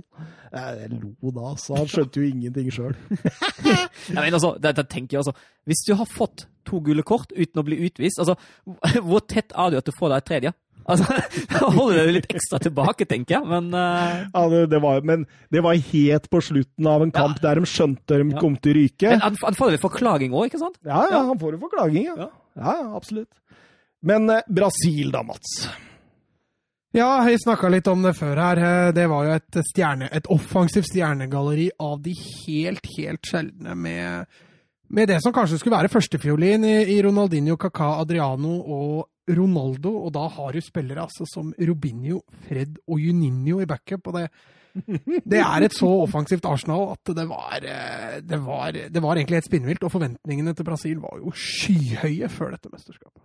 Jeg husker jeg hadde dem som eh, 15-åring, men jeg hadde dem som soleklar favoritt før, før Jeg tror de aller fleste hadde dem som favoritt. og Det, det, det er sånn jeg forstår når jeg har gjort researchen her òg, at det var de store favorittene. Det var vel Cafu sitt femte VM, eller noe? Fjerde. Fjerde, ja. Mm. Han hadde jo tre VM-finaler på rad, hadde han Mm. ikke det? Og så hadde de jo da en Dida som var i Milan bak der, og en Lucio som hadde gjort det bra. Han, hadde Han var gått, god! han gått til! Han har, han har gått til Bayern. Bayern, han ja, nå. ja. Eh, Og selvfølgelig en aldrende Roberto Carlos. Det var to gamle bekker. Men eh, etter eh, 1-0-seieren mot Kroatia i eh, åpningskampen der eh, De eh, sleit jo eh, egentlig. Det var Kaka Bresi og 1-0 fantastisk der. Ja, jeg husker jeg var kjempeskuffa etter åpningskampen til Brasil. Jeg trodde Ja. de skulle gjøre det mye skarpere. Og, eh, og eh, Ronaldo var jo eksepsjonell svak. Mm. Eh, Men det dette var perioder hvor jeg husker folk begynte å prate Fader, han er blitt tjukk. Ja, ja. Eh, og det syns. Og det kom jo også rapporter etter denne kampen på at store deler av Brasils eh, lag hadde testa ekstremt dårlig på kondisjonstester i forkant av mesterskapet. Ronaldo ble jo ofte kalt, som du var inne på, feit, utbrent, lat. Og media i Brasil skrev mye om hans mentale problemer i, i, i Brasil, fordi han var jo den store stjerna. Fram til 2005-2006, da tok jo Ronaldinho over det hegemoniet fullstendig. Nesten ingen nevnte Ronaldo i Brasil lenger. Det var Ronaldinho for alle, alle penga. Eh, og, og, i brasiliansk media så spekulerte de om det var grunnen til at han, eh, så, han så nesten litt sånn matlei ut i første kampen der. Mm. Ja, ja, og så var det jo det store talentet Adriano. Zlatan har jo sagt om Adriano at det er den mest komplette fotballspilleren han noen gang har spilt med. Og apropos mentale problemer, så blei det jo ikke den helt store karriere Adriano fikk. Men eh, forventningene både til han og Brasil var jo ganske høye. Mm. Andre kamp, der møter de jo Australia, og du verden for en kjedelig første omgang! Ja. den, den, må jeg innrømme jeg spurte litt sånn glatt over etter hvert, men eh, etter pause eh, setter Adriano 1-0, og eh, det, det skjer jo lite før det siste kvarteret. Da eksploderer det fullstendig. Ja, og da syns jeg faktisk at uh, det hadde ikke vært ufortjent med en enda også. Uh, jeg syns Australia skaper en god del og er fulgt med og truer Brasil. og så ja, blir det jo ikke sånn. Det blir jo, blir jo 2-0 i stedet. Men jeg syns egentlig Australia hadde fort kunnet tatt med seg poeng her. Altså. Mm. Og så er det jo siste kampen da, mot uh, det siste laget i Japan, hvor det blir fullstendig overkjøring. Ja, og Da setter, de jo en ny VM-rekord ved å vinne sin tiende VM-kamp på rad. Og det er jo, det er jo tross alt eh, en sterk prestasjon. Men eh, ja Det blir jo ja, Og Ronaldo tangerer vel Gert Müller i den kampen? Ja, han gjør det. 14, 14 eh, mål. Mm. Men vi ender jo der med at Brasil tar seg greit videre, og så eh, avslutter man eh, med Kroatia-Australia i en ren finale om å ta seg videre med, med Brasil. Eh, for Australia holdt det med uavgjort. Kroatia måtte vinne. Og Serna sender jo Kroatia i ledelsen med et fantastisk frispark etter bare to minutter. Eh, Craig Moore setter 1-1 på straffespark før Niko Kovac, dagens Bayern München-trener ja. Er er, er dagens Bayern München? Nei, det, nei eh, gårsdagens Bayern München. setter, setter 2-1. Ja, for en keepertabbe. Ja, for en keepertabbe går jo rett Og det var Kalic som ja. kom inn for Swatcher. så de hadde jo åpenbart et lite problem der en periode.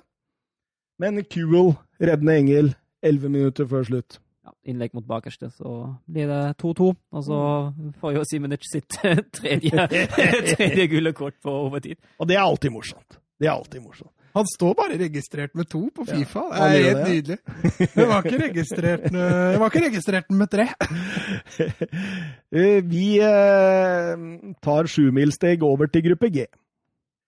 Der finner vi eh, Sveits, vi finner Frankrike, vi finner Sør-Korea og Togo. Og jeg jeg syns det er jo artig å begynne litt med Togo. ja, altså. og trener Otto Pfister.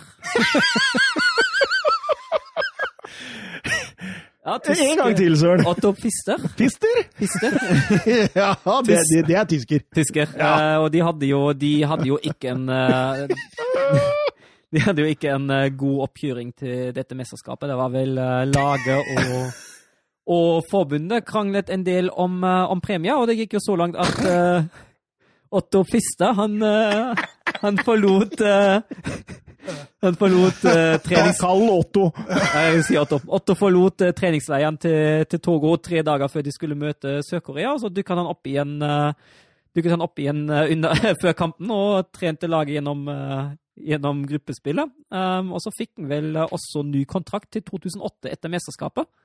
Ja. Og det, det ordnet seg til slutt, men det var en del, en del uro hos VM-debutantene. Men vi har Emanuel Ade Bajor. Kan ikke du ta den Tottenham uh... Den sangen? Ja. Altså, den historien, ja. Etter han gikk til Arsenal. Ja, fordi Tottenham-fansen sang jo når han uh, spilte for Arsenal. Så sang de jo uh, Adebayor, Adebayor, your dad washes elephants and your mom is a whore. Ja. Og Hvis du da sier Adebayor, så rimer det jo. Ja, ja, det ja. rimer jo, ikke sant? eh, men, men, så kom han jo til Tottenham. Og da synger de Adebayor, Adebayor, Your dad heals sick elephants, and uh, your mom we adore. og du ser Adebayor ler når uh, han hører den første gang.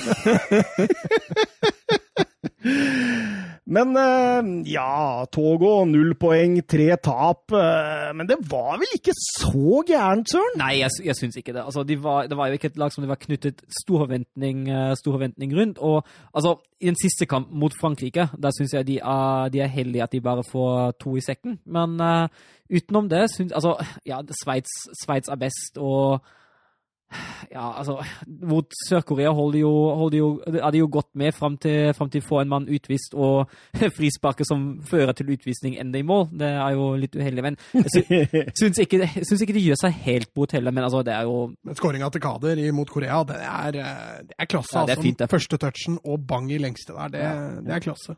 Men altså, det er jo klart, altså, det, er jo, det er jo et lag som kanskje ikke helt hadde nivået til de de andre. Men eh, Frankrike, dette var jo eh, Raymond Domenech sitt første VM med Frankrike. Han huskes vel egentlig best fra VM i 2010, gjør han ikke det? Spiller med streik. ja, altså, han, han, sendte vel Anelka hjem. Ja, og det, er, det, var ikke Nei, det har vært mye rot i de troppene hans ettertid. Jeg tror det var noe kål også i EM i 08. Ja, hvis var, ikke Var han ikke ryktet for å etter hvert plukke ut spillerne ut ifra horoskop eller noe sånt? Stjernetegn eller et eller annet rart? Helt Og det verste er at jeg husker jeg, han fikk ny kontrakt, og han fikk ny kontrakt. Og, mm. Det var liksom så rart at de hadde så mye tillit. Og Evra også var det vel noe Nei, Evra, med... Evra var jo liksom kaptein og gikk jo i front for dette. Og det greiene her, skjønner du, det blei jo så stort at Nicolas Sarkozy, som var eh, president i Frankrike på den tiden, han eh, trakk seg fra G20-møtet for å møte Ary privat etter VM i 2010 for å få en forklaring av Så, så det, det, sier litt om dimensjonene i fotball, når, eh, når, en president i en av verdens mektigste land liksom bare Du, dette må jeg ordne opp i. Ja, nei, altså, jeg har ikke, jeg har ikke et veldig godt uh, Jeg husker ikke Dominic som en veldig god trener. Det jeg også husker han, husker han veldig godt for, var at det var vel i EM 2008 at de hadde en avgjørende gruppekamp mot Italia som de absolutt må vinne. Så får de, får de, en spiller utvist og straff imot, som Italia skårer på etter 20 minutter. Og så reagerer Dominic med å ta ut en spiss og sette inn enda en forsvarsspiller. I en kamp de må vinne, så det, ja, det, stemmer, det, stemmer. det er litt sånn, eh, sånne ting jeg husker Han, han gjør noe merkelig. Ja, vi kommer jo til ja, finalen, men han, gjør, gjør noe merkelige bytter i finalen òg. Syns jeg, da. Ja, men, men, så tenker jeg også på, var ikke eh, forløperen til 2010 var ikke playoffen mot Irland hvor Ari Hense med vilje og sender den til Gallas, som skårer og sender Irland ut av VM. Jo, jo. Det, det, men jeg veit ikke om det var der bråket starta? Eller, Nei, det men, men, det var jo forløperen til der Altså, bråket starta jo når uh, Anelka fortalte uh, Domenech hva han mente om henne i pausa. Ja. Og så fikk han jo sjansen til å si unnskyld. Det gjorde han ikke. Han sa 'vet du hva, jeg eh, gidder ikke å Så han blei jo sendt hjem. Og det, da streika jo spillere. fordi, altså Jeg husker også Chelsea-treneren. Jeg lurer på om det var Kan det ha vært Gus Hiddink på den tida? Som sa det at eh, Jeg har aldri hatt noe problemer med Nicolas Danelka. Han er liksom den siste i Chelsea-troppen jeg kunne tro ville skape trøbbel sånn innad i laget. Så det, det, det var en veldig sånn betent greie. Når var det Benzema delte videoen til Valbuena? Var det, det var, det var seinere? Ja. ja, det 2015. Ja, det var såpass seint. Ja, okay. ja, tror Valbuena har kommet over den videoen? Ja, de, de, de er bitre fiender ennå, de. Men Benzema veit jeg angrep vilt. Ja. At han gjorde det. Han gjorde det? Ja. ja, for han har jo ikke fått spille landslagsfotball etterpå, så. Nei, og gått glipp av en VM og litt sånt der. Ja, et EM har han gått glipp av. Oi, Nei, den vant. Jo, den vant EM. Nei, de kom på De tapte finalen mot Portugal. Ja, det stemmer. det stemmer. Sveitsa, Køby Køhn var uh, trener. Ja, og så hadde de jo De hadde jo et, et ganske brukbart lag, og et forholdsvis ungt lag òg. De hadde tre, to spillere som var 30 pluss, 30 pluss, og det var Subabula, uh, keeperen, som var 35, og så var spissen Lostrinelli, som var 30. Ellers var de, uh, var de godt plassert i 20-åra alle sammen. Uh, Særlig sterkt uh, defensivt. Fikk jo ikke et eneste baklengsmål i hele gruppespillet, og sånn helt OK offensivt. Philip Degen. Da ringer det mye gode Liverpool-bjeller ut. Men jeg, jeg digger Sender Ross når han skaller inn 1-0 i siste kampen der mot uh, Sør-Korea. Fortsetter. I annen omgang så blir han båret av med skulderen ut av ledd. Der. altså, snakk om å ofre seg for laga. Uh, helt strålende. Jeg syns uh, Frei han dro jo til Dortmund eh, etter VM. Og han var veldig, veldig brukbar i Dortmund òg. En Mm. veldig ålreit spiss. Litt undervurdert, syns jeg egentlig. Det skal sies at Frankrike halter jo seg gjennom denne gruppa. Det er Sveits som vinner den etter at de slår Sør-Korea 2-0 i siste. Og det blei jo underveis, og spesielt etter 1-1 mot Sør-Korea, Frankrike der hvor Ari setter den tidlig 1-0, og så får de jo et stormløp, og det bør jo stå 2-0 når Vieira header ballen eh, i mål. Og han er jo langt innafor mål òg, men keeperen klarer å dytte den ut igjen, og dommeren ser ikke.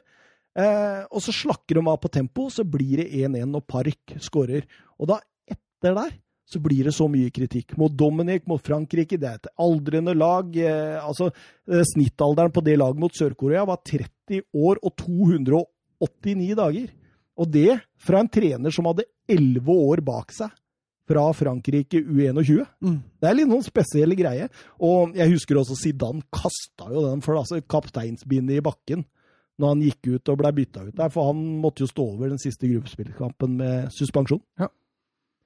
Eh, skal vi rusle over til eh, gruppe H, gutta?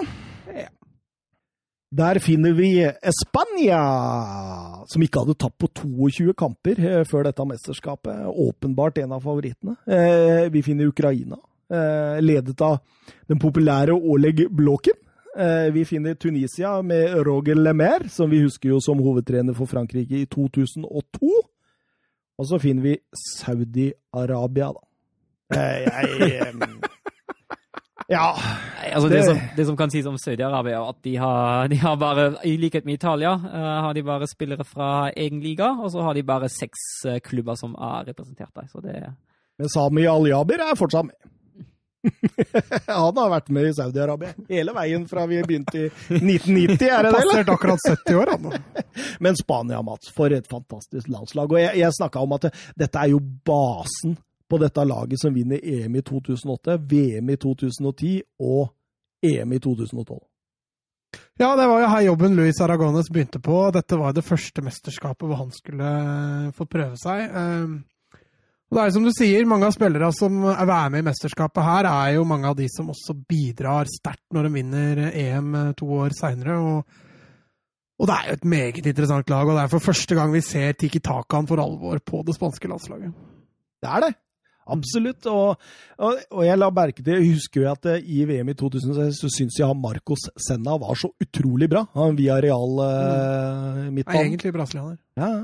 Men, men så, så, det er jo Busquets-rollen. Mm. Hva- Hadde Busquets den allerede fra neste EM, eller? Nei. Nei, Han han kom i VM i 2000. lenger ut, ja. Mm. Men det er jo Sabi Alonso som i større grad går ned i dypere etter hvert. Og, så så vi en Sergio Ramos på høyrebekk. Litt mm. sånn som vi gjorde med Pyol i, i fire år før. Ja. Eh, er Iniesta, Xavi, Fabregas, eh, David Villa, eh, Fernando Torres, Raúl Det er jo det, det, det, det ender ikke.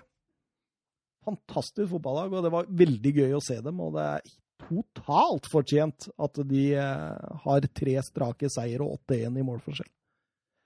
Eh, laget som slår følge da, med Spania, det blir jo Ukraina. Mm. Litt kult offensivt lag, ja. Rebrov og Du tar Rebrov først, ja? Jeg ja han, han var den største av dem. Han var i Tottenham i fire år, vet du, fra 2000 til 2004. Han hadde riktignok kommet hjem på dette tidspunktet. Ja, og så hadde du han andre, han sjueren, han som skåra et par mål i Milan en periode. Ja, hva heter han? Jeg jeg Skjev Nei, jeg, jeg kommer ikke på det, altså. Nei. Voronin var det. Voronin. Ja. Rebrov og Voronin. Nei, men det, det, det var jo et veldig bra lag, og um, for å, å sette fleip til side her, den største um, eksponenten for suksessen uh, i kvaliken hadde jo AC Milans store, store målskårer Andrej Sjevtsjenko. det var jo, nå var vi jo på tid, Han skal jo gå til Chelsea etter hvert, for det var jo nå Chelsea begynte å handle spillere. Eh, Men han var jo på denne tida i Milan og var lagets store, store stjerne. Du kan på mange måter si at i gruppe H her, så er det to store verdensstjerner som har blitt most i Chelsea. Mm. I Torres og Sjevtsjenko. Ja, i litt forskjellig tidsalder, bare. Men Ja. eh, ja, helt riktig. Eh, ville du si noe om Tunisia, Søren? vi finner jo daværende RBK og senere LSK-spiller Karim Esediri i stallen. Det er jo litt morsomt. Han fikk vel tolv minutter òg, gjorde han ikke det? Ja. Noe sånt nå? Noe sånt. Ja. Var i hvert fall ikke fast, men ja.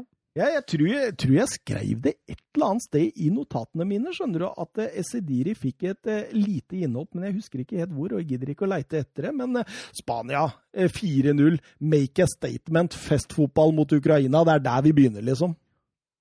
Ja, de var, de var egentlig veldig, veldig gode på den tida der òg. Og, det gruppespillet der, det cruiser dem rett og slett gjennom med underholdende fotball. Og, og ja, de spilte vel litt på seg nesten et lite favorittstempel etter det gruppespillet. ja det var dem, eh, dem og Argentina som var vel, eh, ble vel handla litt som favoritter etter gruppespillet. Ja, men jeg også syns, i tillegg til Tyskland, Mm. de tre var Ja. de som spilte den beste fotballen. Og i siste gruppespillskamp så bare tar Aragonis og øh, legger elleve spillere bort. Og setter på elleve nye, Ja. for da var alt klart. Det husker jeg han gjorde i EM òg, to år seinere. Og da fikk vi se spillere som Salgado, Marcena og Albelda og Reyes, ikke minst, som eh, Og Iniesta, ikke minst. beklageligvis omkom. Eh, men eh, de vinner bare 1-0. Betis-stopper Juanito som eh, header inn eh, Reyes eh, frispark der.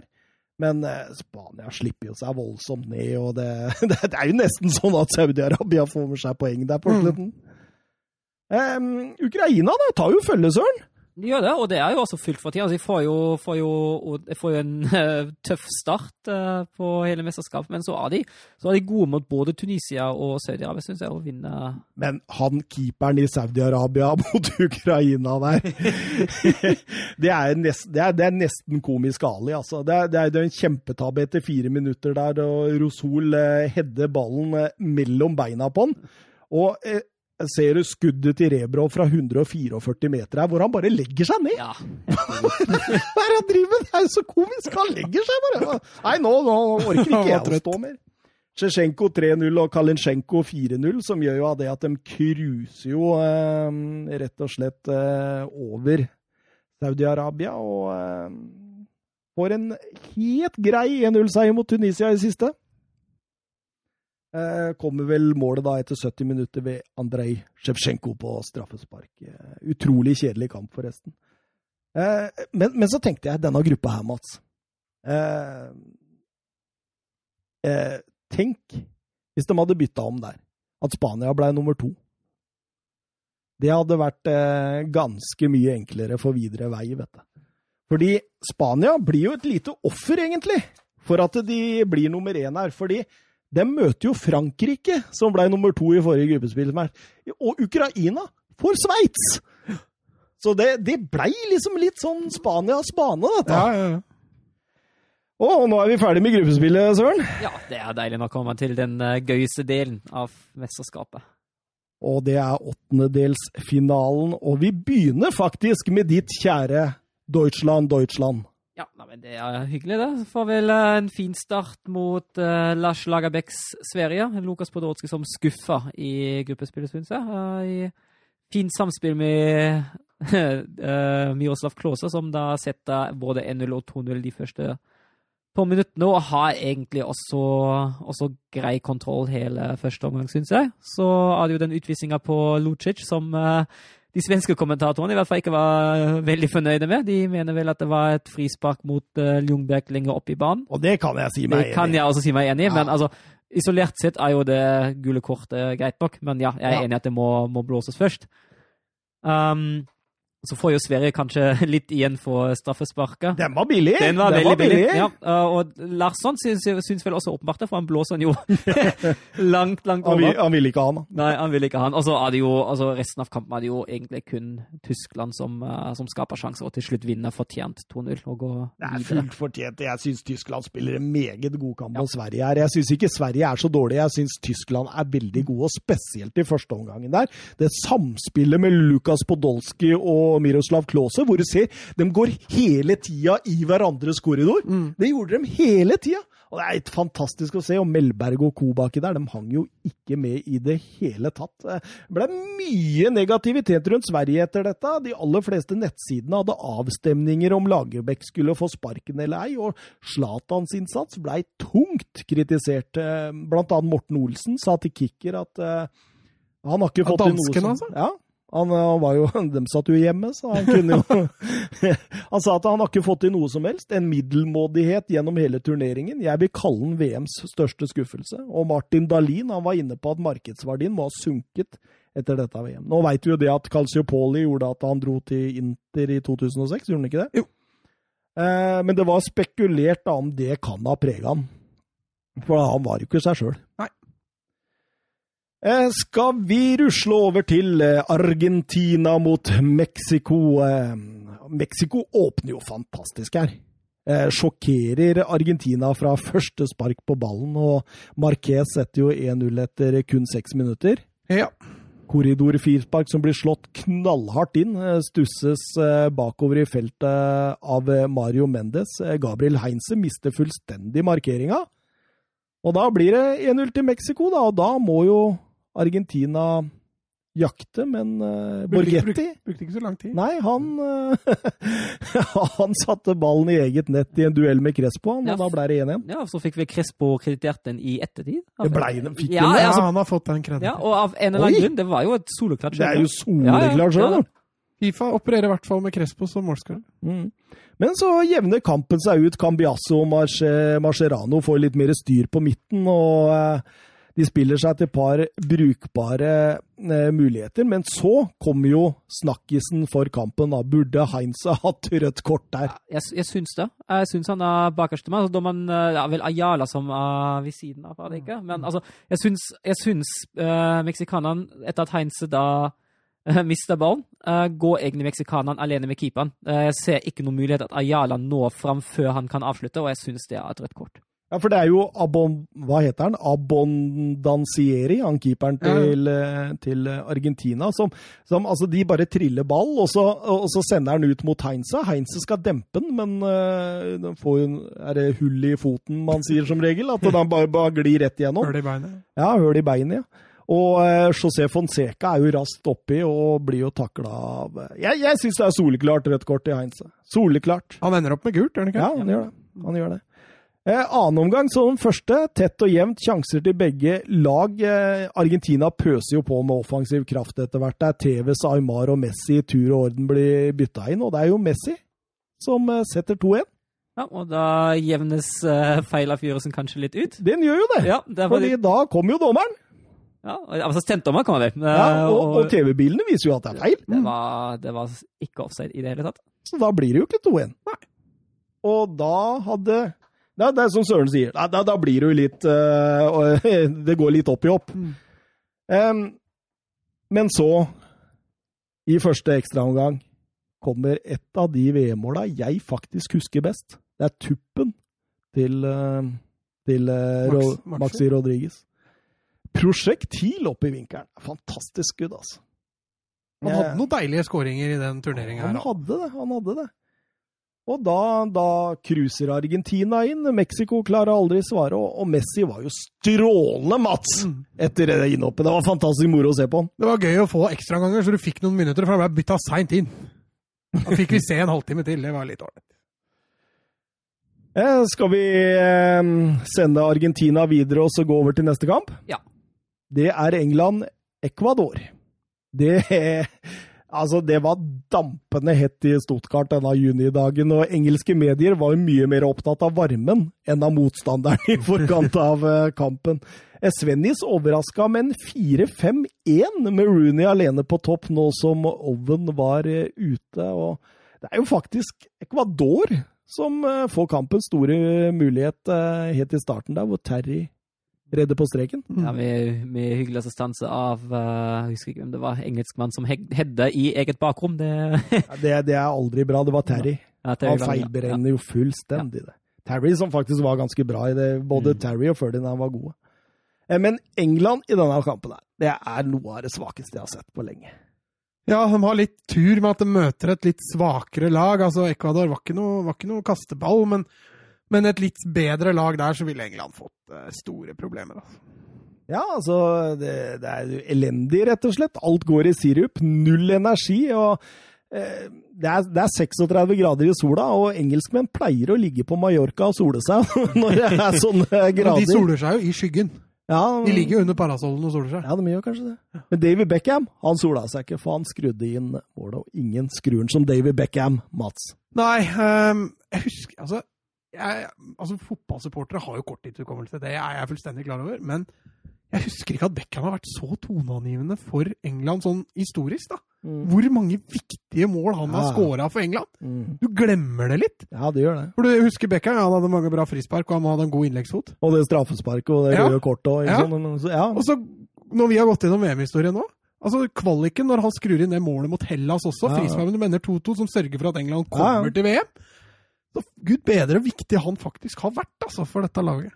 Det er jo en fantastisk profil på alle mulige måter, ingen tvil om det. Eh, Beckham eh, England vinner jo 1-0. Eh, de drar jo dette i land mest pga. at, det, som du var inne på, Mats, at Ecuador var jo ikke noe spesiell målestokk sånn egentlig, selv om de hadde gjort det brukbart i gruppespillet. Beckham fortalte etter kampen at de var sterkt preget av varmen. og Beckham sa sjøl at han følte seg sjuk gjennom hele annen omgang, og han kasta jo opp før han ble tatt av også.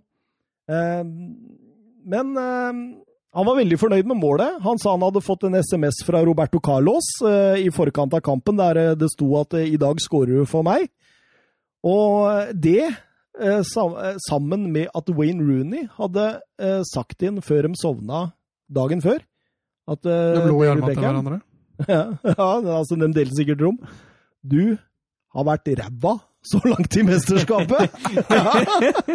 så han tenkte at nå må jeg steppe opp eh, når Wayne Rooney er såpass eh, oppriktig ærlig mot meg. Eh, og da går jo England videre til kvarten, som vanlig, der de som regel også ryker ut. Vanlige stoppestedet til England, det. Så kommer en av de morsomste kampene jeg har sett på lenge. Ja, hva er det kalle krigen av Nürnberg eller noe sånt? The Nei. Battle of Nürnberg. Ja, Slakt von Nürnberg. Portugal, Nederland og, og hva kan man egentlig si? her? Og en sparkefest. Altså, de sparker jo oftere i hverandres skinnlegger enn de sparker ballen. Altså. Det er jo helt sykt. Altså, det er ikke så lett å snakke fotball i den kampen. Men vi kan jo ta med at uh, Manish uh, Er det det han også, Er det sånn Manish, han ja. Manish? Skårer 1-0 etter 23 minutter. Eh, det er Deko med ball ut høyre til Pauleta, som legger eh, herlig igjen til Manish på 16. Har nok is og ikke fyra av med en gang der, ser du. Eh, klarer å dra med seg ballen vekk fra blokkerende forsvarsspiller og setter ballen nydelig til side for van der Sar.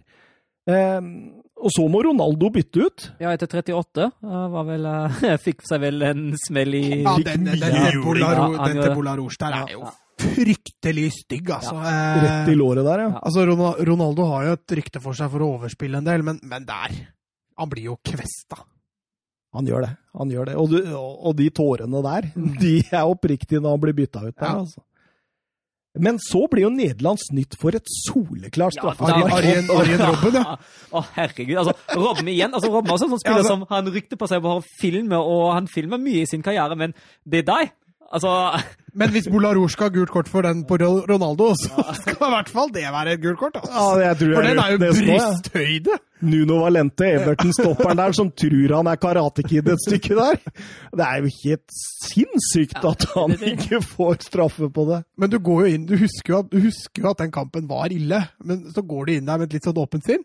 Og så, ja, det er fryktelig mye dårlige, eller fryktelig mye stygge taklinger der. Men det er også mye sånn spill som er til vanlig fotballkamp Ja, også, men det ja. føles bare mye verre da, for måten det har blitt bygd opp på.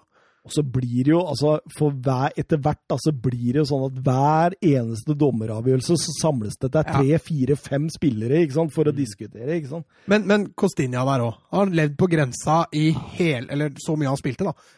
Og så ender du opp med å få det andre gule kortet ditt for en viljehens! Så totalt brød- ufarlig. Ja, hvor brød i huet er det ikke ja, da? altså, er det- altså, men jeg, jeg syns jo den første taklingen han kjører som han får gult for, kunne jo nesten vært direkte Ja, altså, han, kunne, han kunne vært Ja. utvist før Ja. han fikk den Ja. hensen. Det- Men du lever på grensa, og så tar du en viljehens midt på banen. Ja, og så etter 58 minutter der skal jo Figo ha rødt. Ja, ja til de grader òg. Skaller til van Bommel, og så du ser bak dommeren. Det er så nydelig. Han er, det er liksom, han Det er kan- lur nok. Det kan ikke skje i dag. Nei, det tar varen. Rødt kort, 62 minutter. Boula Rouge. eh, Ja, det var kanskje det eneste Jeg tror han veit han har Figo der, altså. Ja, vet ikke. Så drar han Ja. Ja, men, men det Søren tenker på, er at den er kanskje billig å gi gult kort Ja, på. Men, men det jeg spilte på grensa også. Ja, han gjorde Hele det. matchen. Ja. Så at han ender opp med rødt kort, er for så vidt greit. Jo, det er jo enig i, men altså, bare, bare sett en enkeltsituasjon, da ja.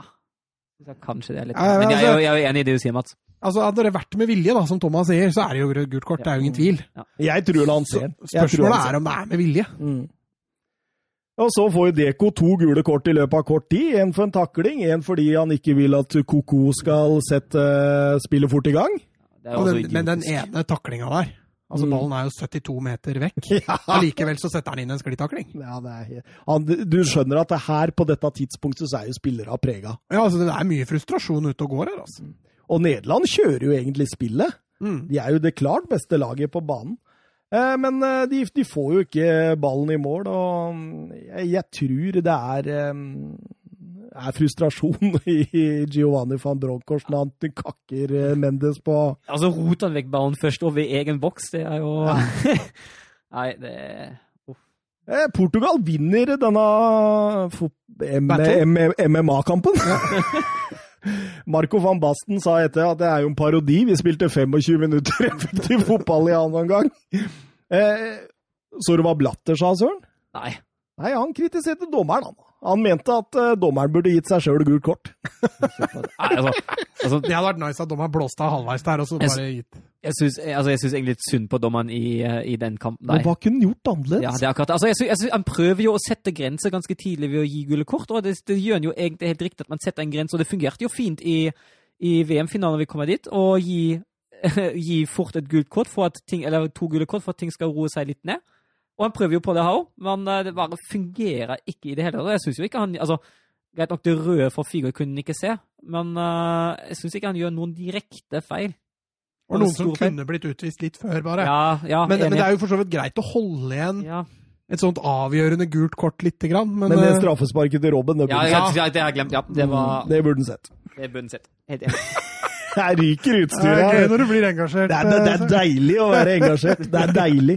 Jeg føler litt med Nederland. altså Stort sett best, og de skulle hatt det straffesparket, og Figo klarte å skalle til van Bommelen bak eh, dommeren sin rygg. og jeg, jeg, jeg Men Zidane ikke. skalla jo ned Smatarazzi bak ryggen til dommeren han Ja, men de, tok de dommerne en sjanse? Nei, det fjerdedommeren så det. Linje, ja, ja. Ja, fordi- Nei, var det ikke linjemann, da? Nei, det var fjerdedommeren. Det var første gang at en spiller ble utvist, for, selv om verken, verken dommeren eller linjedommerne ser det. Det var fjerdemann som ga beskjed. For jeg har sett et intervju, skjønner du. Eh, vel eh, å bemerke på italiensk med engelsk eh, Og der sier han at eh, vi tok en sjanse. Ja, Gjorde den det, ja? Ja.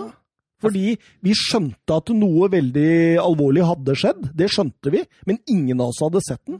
Så vi tok en sjanse, sier han. eh, Men jeg veit ikke hvem av dem som sier det, men én i For han, han er jo borte hos linjemann, Mm. og så ser du linjemannen peker.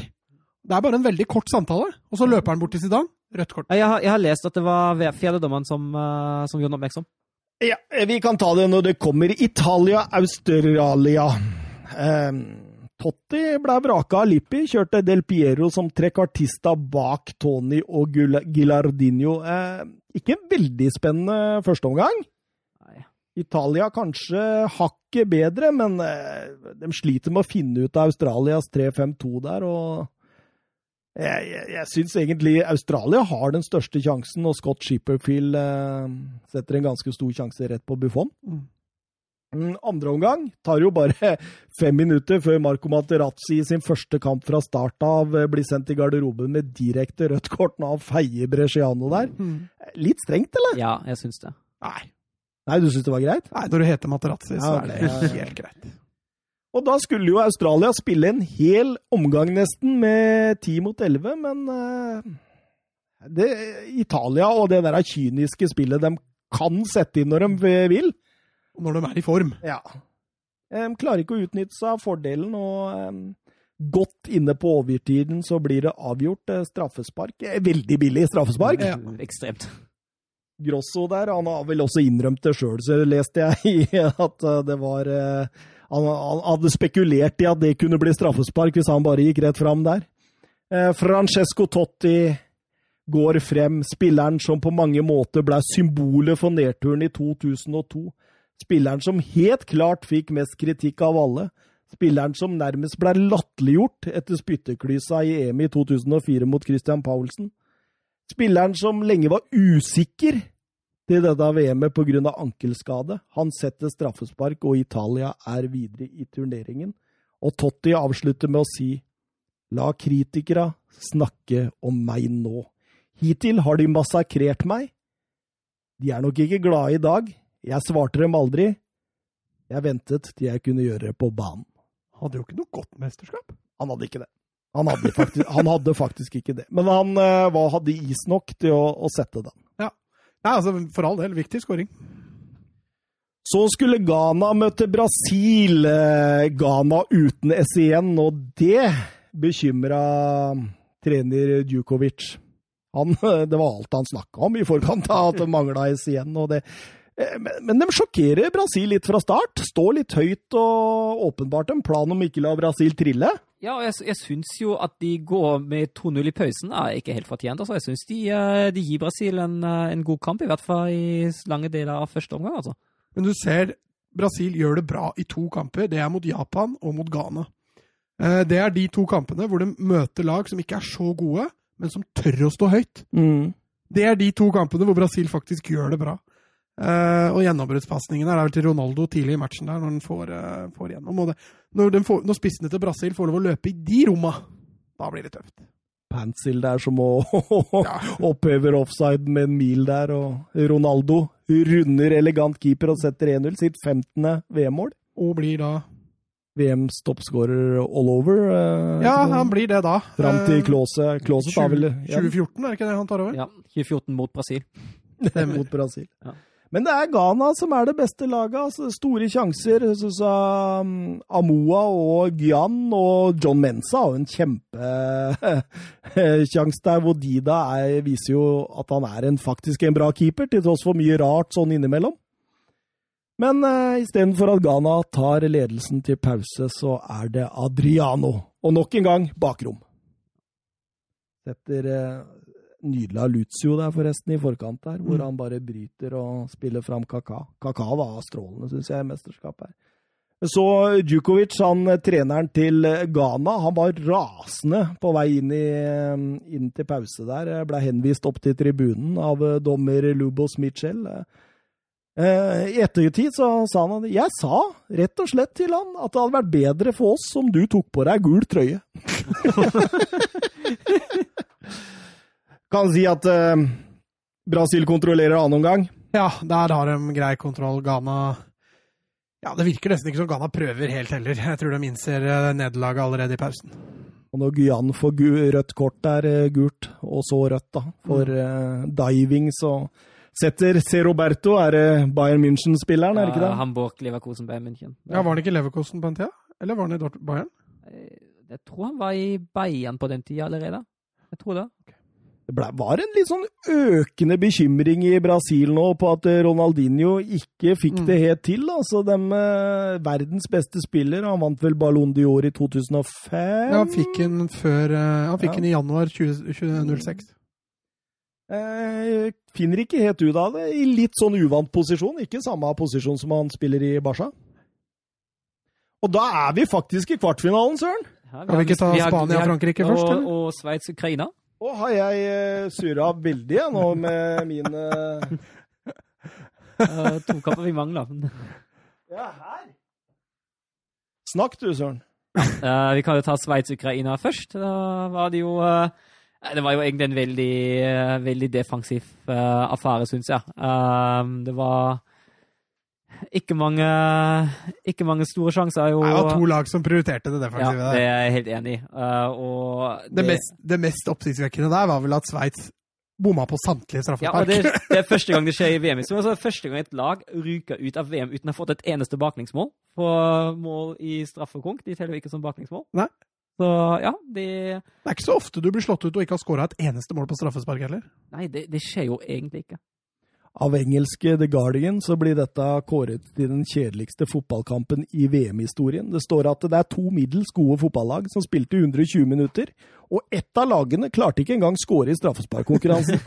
Jeg vet ikke, hold, en liten knapp på Iran eh, mot Nigeria i 2014. Det var altså en fryktelig kjedelig fotballkamp. Men eh, ja. Det... De, de, The Guardian melder at eh, fotballkamp kan måles i sju parametere. Det er eh, mål, end-to-end action, intensivitet, kvalitet, drama, hendelser og kontroverser. Denne kampen manglet alle delene. Så det Nei. Vi spoler over. Ja. Eh, greit at Ukraina, Ukraina tar videre. videre. Spania-Frankrike, det, var, eh, det, det var en litt større kamp å glemme. Hæ? Hæ? Alle skal med. Alle skal med, og i hvert fall Frankrike, for de får jo en eh, Altså, eh, jeg syns det er kjipt at eh, Spania røyk så tidlig. Ja, de fikk jo en bra start òg. Holdt jo Frankrike greit nede der og få ta ledelsen 1-0, men så spiser Frankrike seg inn igjen. Og de er jo beste laget utover. Ja, jeg syns også så. Ribéry setter 1-1 der etter at David Villa setter 1-0 for Spania på straffespark. Og em, utover i annen omgang så er det som du sier, er Frankrike best. Ja. Og så syns jeg Sali, uh, Sali Ribéry og også Zidane for så vidt spilte en, spilte en veldig god fotballkamp. De var veldig presente begge to, kom med mye bidrag i det offensive spillet. Aragones fikk veldig mye kritikk, Mats, for at han tar ut både Villa og Raúl til fordel for Joaquin og, og Luis Garcia. Og det må sies å være ganske defensive bytter. og når han da mm, tar ut Xavi og setter inn Senna også, så er det ingen tvil om at Aragonis føler seg litt pressa utover i kampen der. Og når da Frankrike tar ledelsen 2-1 ved Patrick Vieira, så har ikke dem noe å kjøre med mer. Nei, han gjør noen Altså, Han gjør jo de byttene helt sikkert for å få bedre kontroll på kampen. Eh, Spania sleit litt med ballbesittelsen. og og selv om stillinga på, på det tidspunktet var 1-1, så, så var det åpenbart at han prioriterte kontroll på kampen framfor å, å presse på for en 2-1-skåring. Og som du sier, når Frankrike tar ledelsen 2-1, så, så har han en utfordring. altså. Så leker Zidane litt med Puyol der på slutten. Ja, det er jo ganske kjent, eh, kjent klipp, eh, skuddfinte der, og Puyol sklir jo på ræva og han her. Har jo ikke kjangs til å holde følge med, med eller tyngdeoverføringen til Zidane. og Setter han tilbake igjen i hjørnet hvor han kom fra. Og Dominic skryter av Zidane, sier det at eh, jeg ble veldig overraska når jeg så han hadde et uh, gir til i det 89. minutt. Det trodde jeg ikke om han. Skal vi gå over til eh, kvartfinalen Nei, da? nå har du glemt Nei da. Har jeg det, eller? Nei. Nei, vær, vær så snill, da. Ikke, nå nå syns jeg det flyter så bra her. Tyskland-Argentina, Søren. Det, reprise på finalen i 1990, som vi begynte med. Ja, var jo, det var jo 1990-finalen da, da Tyskland begynte å bli en nemesis for Argentina. Og det har de vel vært i 1990, i 2006, i 2010 og i 2014. Og det, i den nyere, nyere historien har Argentina ikke vært særlig glad i å møte Tyskland i, i mesterskap. Uh, jeg syns jo egentlig Argentina har, har grei kontroll i første omgang. Riktignok ikke en salig, salig sjansepreget kamp. Det er få høydepunkter, men Argentina har litt mer kontrollert spillestil, mens Tyskland prøver egentlig å komme seg kjapt framover, kjapt i lengderetning. Men det blir jo, det blir jo få sjanser ut av det, selv om kampen er forholdsvis intens. Men det skjer ikke så mye foran målene. Og så blir det jo litt andre, andre toner da Ayala setter 1-0 eh, fem minutter etter pausen. Etter en Ayala på 1,77 Ja. knuser Klause i, i luftduell der. Nå har vi jo skrytt mye av, eller i hvert fall jeg, mye av eh, hodespillet til Klause, men da er han svak. Der er han svak. Det er Men, men det er i offensiv. Ja. Det er et eller annet med spisser Ja, er- hjemme i egen boks. Det er ikke Du kan være så god du vil foran mål, men når du skal forsvare, det er noe helt annet. Et lite sånn etterhatt til Argentina, så er det litt sånn tysk eh, prøve vilje der. Ballak Ballack med en stor sjanse der, og um...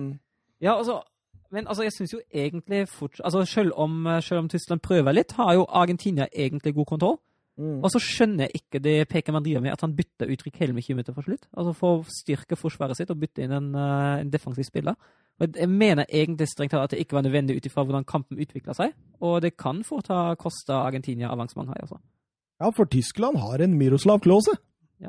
Da var det egentlig den, eh, det fineste angrepet som Tyskland presterte i, eh, i hele kampen. Uh, Borowski som uh, hedde et ballakinnlegg videre til Klause, som da skåra på hodet mot uh, Argentinas reservekeeper. Fordi Abondazieri han uh, måtte byttes ut. Han ble vel skada i en duell med Klause litt tidligere. Stemmer det, stemmer det. Da kom han Atletico Madrid-keeperen inn. Frank, og det var, det var, det var altså Abondazieri han hadde jo opparbeidet seg et rykte som strafferedder i, uh, i Argentina. Litt sånn som Goicochea der, altså. Ja. Så Tyskland var kanskje litt heldige da før straffekonken. Ja, for det blir jo ingen uh, avgjørelse på dette i ekstraomgangene. Det går jo til straffesparkkonkurranse. Ja, det gjør det. Og da er Tyskland trygge. De setter alle sine, sine fire straffer. Og Lehmann han redda mot uh, Ayala og Cambiasso. Og Tyskland har dermed vunnet fire av fire straffekonk i VM og har bommet på ett eneste straffespark, og det var Oli Stilecke i, i 82 mot Frankrike. Er det her Lehmann har den jukselappen? Lehmann har nok jukselappen, og det er jo en litt morsom historie der. Uh, fordi han har jo en lapp, og Køpke, keepertrener, han skriver den jo før kampen uh, med, de, med de argentinske straffesguttene, og hvor de som regel setter det. Uh, og så ligger han i garderoben, og så går Køpke og henter han, og stryker over de som ikke var på banen, som Rikelme og Messi. Og så gir han det til Lehmann, og Lehmann ser jo på den lappen. Uh, mellom hver straffe han i, i strømpen. Uh, og så sier han jo etterpå at uh, nei, det var jo egentlig alt fullstendig feil, fordi han har jo skrevet det fra, uh, fra den som skyter sitt perspektiv, istedenfor mitt perspektiv som keeper. um, så vil han egentlig kaste den lappen da etter kampen, uh, men han finner ikke noe søppelbøtte i garderoben, så han tar vare på den for han ikke har lyst å ja, forsøple miljøet. Det er jo greit nok. Og, altså, miljøvennlig Lehmann, ja, altså. faktisk. Og så i desember 2006 blir den lappen da auksjonert bort for 1 million euro til fordel for barn i nød. Så det var et oi, godt valg av oi, Lehmann. oi, vakker historie til slutt. Så har vi jo kanskje ikke så vakre historie mot uh, slutten av kampen. Der Det blir full krig, det, det Søren! blir krig. Uh, de, går jo, de argentinske spillerne går jo løs på Ja, men, men, men det er to teorier bak det, Ja. eh, som jeg har lest om. Det ene sier jo at det var en disputt mellom Oliver Bierhoff og Heinze som starta det hele. Og det andre sier at det var Tim Borowski som eh, provoserte de argentinske spillerne ved å hysje på dem. Fordi jeg leste en historie om at jeg tror det var Ballack som sa det, at hver eneste gang når en tysker gikk opp for å ta straffesparket, så drev de og ropte og, og skreik og skråla på, på eh, spansk. Så gjorde det som dem skjønte ingenting, men det var åpenbart for å, å stresse dem. da. Så Borowski sitt svar når han satt av det avgjørende straffesparket, det var å hysje på dem. Så Det er en av teoriene. Har du hovedteorien, eller, eller har du Nei. Uh, altså På TV-bildene ser det jo ut som at det er den disputten mellom, uh, mellom Heinz og Bierhoff, men det kan jo det kan være en kombinasjon av begge deler, for den saks skyld. Det kan jo være at de føler seg provosert av Borowski, og så begynner Bierhoff å, sk å si et eller annet til Heinz, eller omvendt. altså, Hvem veit? Og jeg så Yogi Løv inni der! Ja, ja, ja.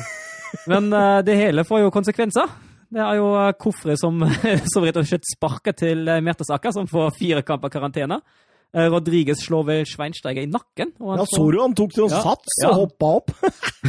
får, vel to kampers karantene. Og Litt sånn som han der uh, cowboyen. Hva er det han heter igjen? Ja, Buss. Nei, ikke Buss. Buss Aldrin. å. Buzz Lightyear. Buss Light, nei. Men det er en samme film? Ja, nei. Er det ikke? nei, det er Toy Story, det. Å ja, men er det ikke cowboy der, da? Nei, jeg snakker ikke om Toy Story. Jeg snakker om de Nei. gamle westernfilmene. Nei, jeg skal si det når jeg kommer på det. Nei, altså, altså Det som jo kanskje har, har størst betydning for mesterskapet, er jo uh, Frings mot Kroos. Um, der FIFA, FIFA dropper jo egentlig uh, å forfølge det videre. Uh, fordi Kroos sier jo sjøl at han, han har ikke merka til noe slag eller noe som helst. Men så finner italienske medier på sitt TV et bilde som viser at Frings han, uh, han har åpenbart slått til Kroos. Det passer bra for Ja, og da sender de det faktisk inn til Fifa og sier at hei, se hei. Og da ser Fifa seg nødt til å utestenge Frings i én kamp og én kamp til uh, hvis han oppfører seg dårlig igjen. Men uh, da går han jo glipp av semifinalen. Det var da en god del av uh, tyske supportere ikke hadde så mye sans for Italia lenger. Men eh, Tyskland er eh, i semifinale på hjemmebane. Det er de. Og Argentina Don't cry for me, Argentina. De er på vei ut. De er på vei hjem. Hjem på hjem. Italia, Ukraina. Eh, først eh, en helt OK gruppe. Vanskeligere enn det kanskje så ut som, men likevel OK gruppe. Så møter vi Australia, og så møter vi Ukraina. Så de har relativt god tur inn, eh, inn til semifinale, Italia. Ja, spør du meg? Ja. jeg syns også det. De, De traff riktig vei gjennom for å, for å komme dit. Eh, Det er ikke så vanskelig å være uenig med det der. De tok den veien Spania burde tatt. Ja, det liksom. var, var egentlig det. Ergerlig, altså. Eh, Ukraina så jo litt ferdig ut mot Sveits, men eh, etter at Sambrotta gir eh, Italia ed- ledelsen 1-0 der etter tidlig i første omgang, er det vel, så og en relativt kjedelig første omgang som det ikke skjer så mye, så kom jo Ukraina ut i 120 i annen omgang. Ja, og så synes jeg det er et, det, er jo et mirakel at Italia ikke får baklengsmål i, i, den kampen, i den perioden. Det er jo det er, vel, det er Buffon, og så er det stolp, og så er det redning på strek. og Det, det er jo alt. Det er alt annet enn mål, men eh, ja. Og, og, hæ? Jeg kom på det. Ja. Han skuespilleren. Ja, Ok, Bud Spencer. ok, jeg har aldri hørt om Nei, det. jeg skjønte Buzz Lightyear har jeg hørt om. Ja, men det var nesten Bud Spencer. Han var italiener, han òg. Bud Spencer? Ja, jeg tror det. Ok. Han hadde, han hadde kallenavn Bud Spencer. Han het vel egentlig han, eh, han, Salvatore Spencer. Ja, annet. han fløy rundt og slo folk midt opp på huet i disse westernfilmene. Trinity! Trinity het de filmene. Ja, ok. Da spora vi av der. Ja, ja, men det er jo ålreit. Kan du fortelle, har du en filmanalyse av eh, Trinity? Eh, Jeg har ikke sett så mye. Jeg har sett et par. Jeg vet fatter'n er glad i de filma. Så Ja, ok. Ja, ja. Men Ukraina de, eh, de kjører jo over Italia i store deler av annen omgang. Eh, at eh, ikke Altså, Blåkin der må jo ha sagt et par motiverende ord og noen tordentaler på ukrainsk der, for de kommer jo ut med helt annen holdning. Og Gusin tester jo Buffon flere ganger. Dobbeltsjanse ved Gusev og Kalinasjenko der, som først Buffon redder, og det blir redda på strek på returen. Eh, men eh, i motspillets gang, Luca Toni 2-0. Endelig sitter han for Luca Toni, som liksom var Italias spydspiss i denne Ja, han fikk jo spille og spille og spille, han. Han gjorde det. Eh, og Ukraina de gir jo seg ikke etter 2-0. Tverrleggeskudd, men Italia og Luca Toni gjør 3-0. Det er liksom mot spillets gang der. Sambrotta som kommer ned på linja, tar seg elegant forbi to ukrainske forsvarere og serverer Toni. Og man kan trygt si at eh, etter dette, da, kontrollerer Italia greit inn. Han får en enkel skåring, den 3-0 der, Tony. Bra forarbeid av Sambrotta. Så kjenner vi jo en bilde når Sambrotta Cannavaro går rundt med et italiensk flagg med påskriften 'Pesotto, vi er med deg', eller det sto på italiensk da 'Pesottino sia mo conte'. Veit du det? Ja. Var det noe med Conte der, da? Var han Conte. Ok. Det er med deg. ok. England, Portugal Reprise var, eh, fra EM to år før. Det var eh, Ja, det var stoppested til England, dette. Det var stoppested til England. Um, Og et relativt kjent uh, episode i den matchen her òg. En relativt kjent en. ehm, Det er et eller annet med England hver gang. Det er ikke til å komme utenom. Eh, Kampen bølger jo fram og tilbake. Det er nerve og intensitet. Eh, bra tempo, men eh, veldig få målsjanser. Sånne store, veldig mye sånn potensielle til begge lag, egentlig. Det, det blir ingen mål inntil pause, og laget er like langt. Beckham må byttes ut etter sju minutter med skade. Ja, I andre omgang, ja. Ja. Eh, ser Beckham med tårer også. Det var mye tårer i dette mesterskapet. Det var det.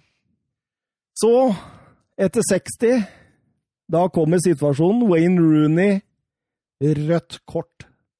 Duell med Carvalho. Rooney har ball, og Carvalho henger jo på Rooney. Eh, Rooney tråkker på Carvalho, åpenbart av sinne. Litt irritasjon. Eh, Dommeren gir Rooney korrekt rødt kort. Eh, ikke umiddelbart, ser du!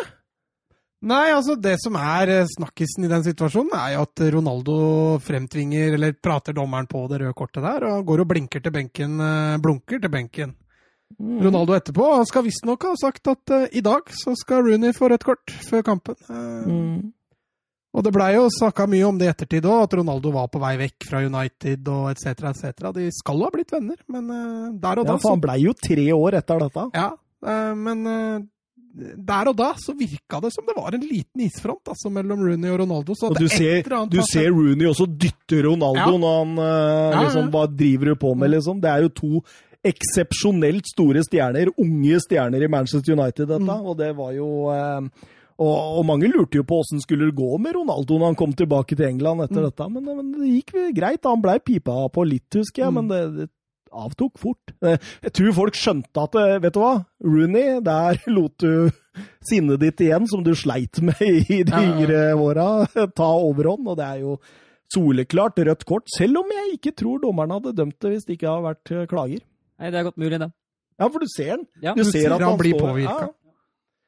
Ehm, et uh, visst press eh, fra Portugal etter dette, men jeg syns jo Terry og Ferdinand i den kampen de står løpet fullt ut. Altså. Fantastisk stopperspill av de to gutta der. Men det var vel Altså, vi kan si mye bra om Canavaro også, for han hadde et OK bra mesterskap, men eh, Men som stoppepar så tror jeg Ferdinand og Terry stikker av med den, for de hadde et meget godt VM. Canavaro hadde jo aldri egentlig en stoppemakker, han i dette. Nei, det rullerte jo veldig for Canavaro. Han, eh, så å si at han hadde et bra, at det var et bra stoppepar, det går jo ikke, for han hadde jo var både Nesta, Materazzi og ja, var vel enda en òg, så Ja.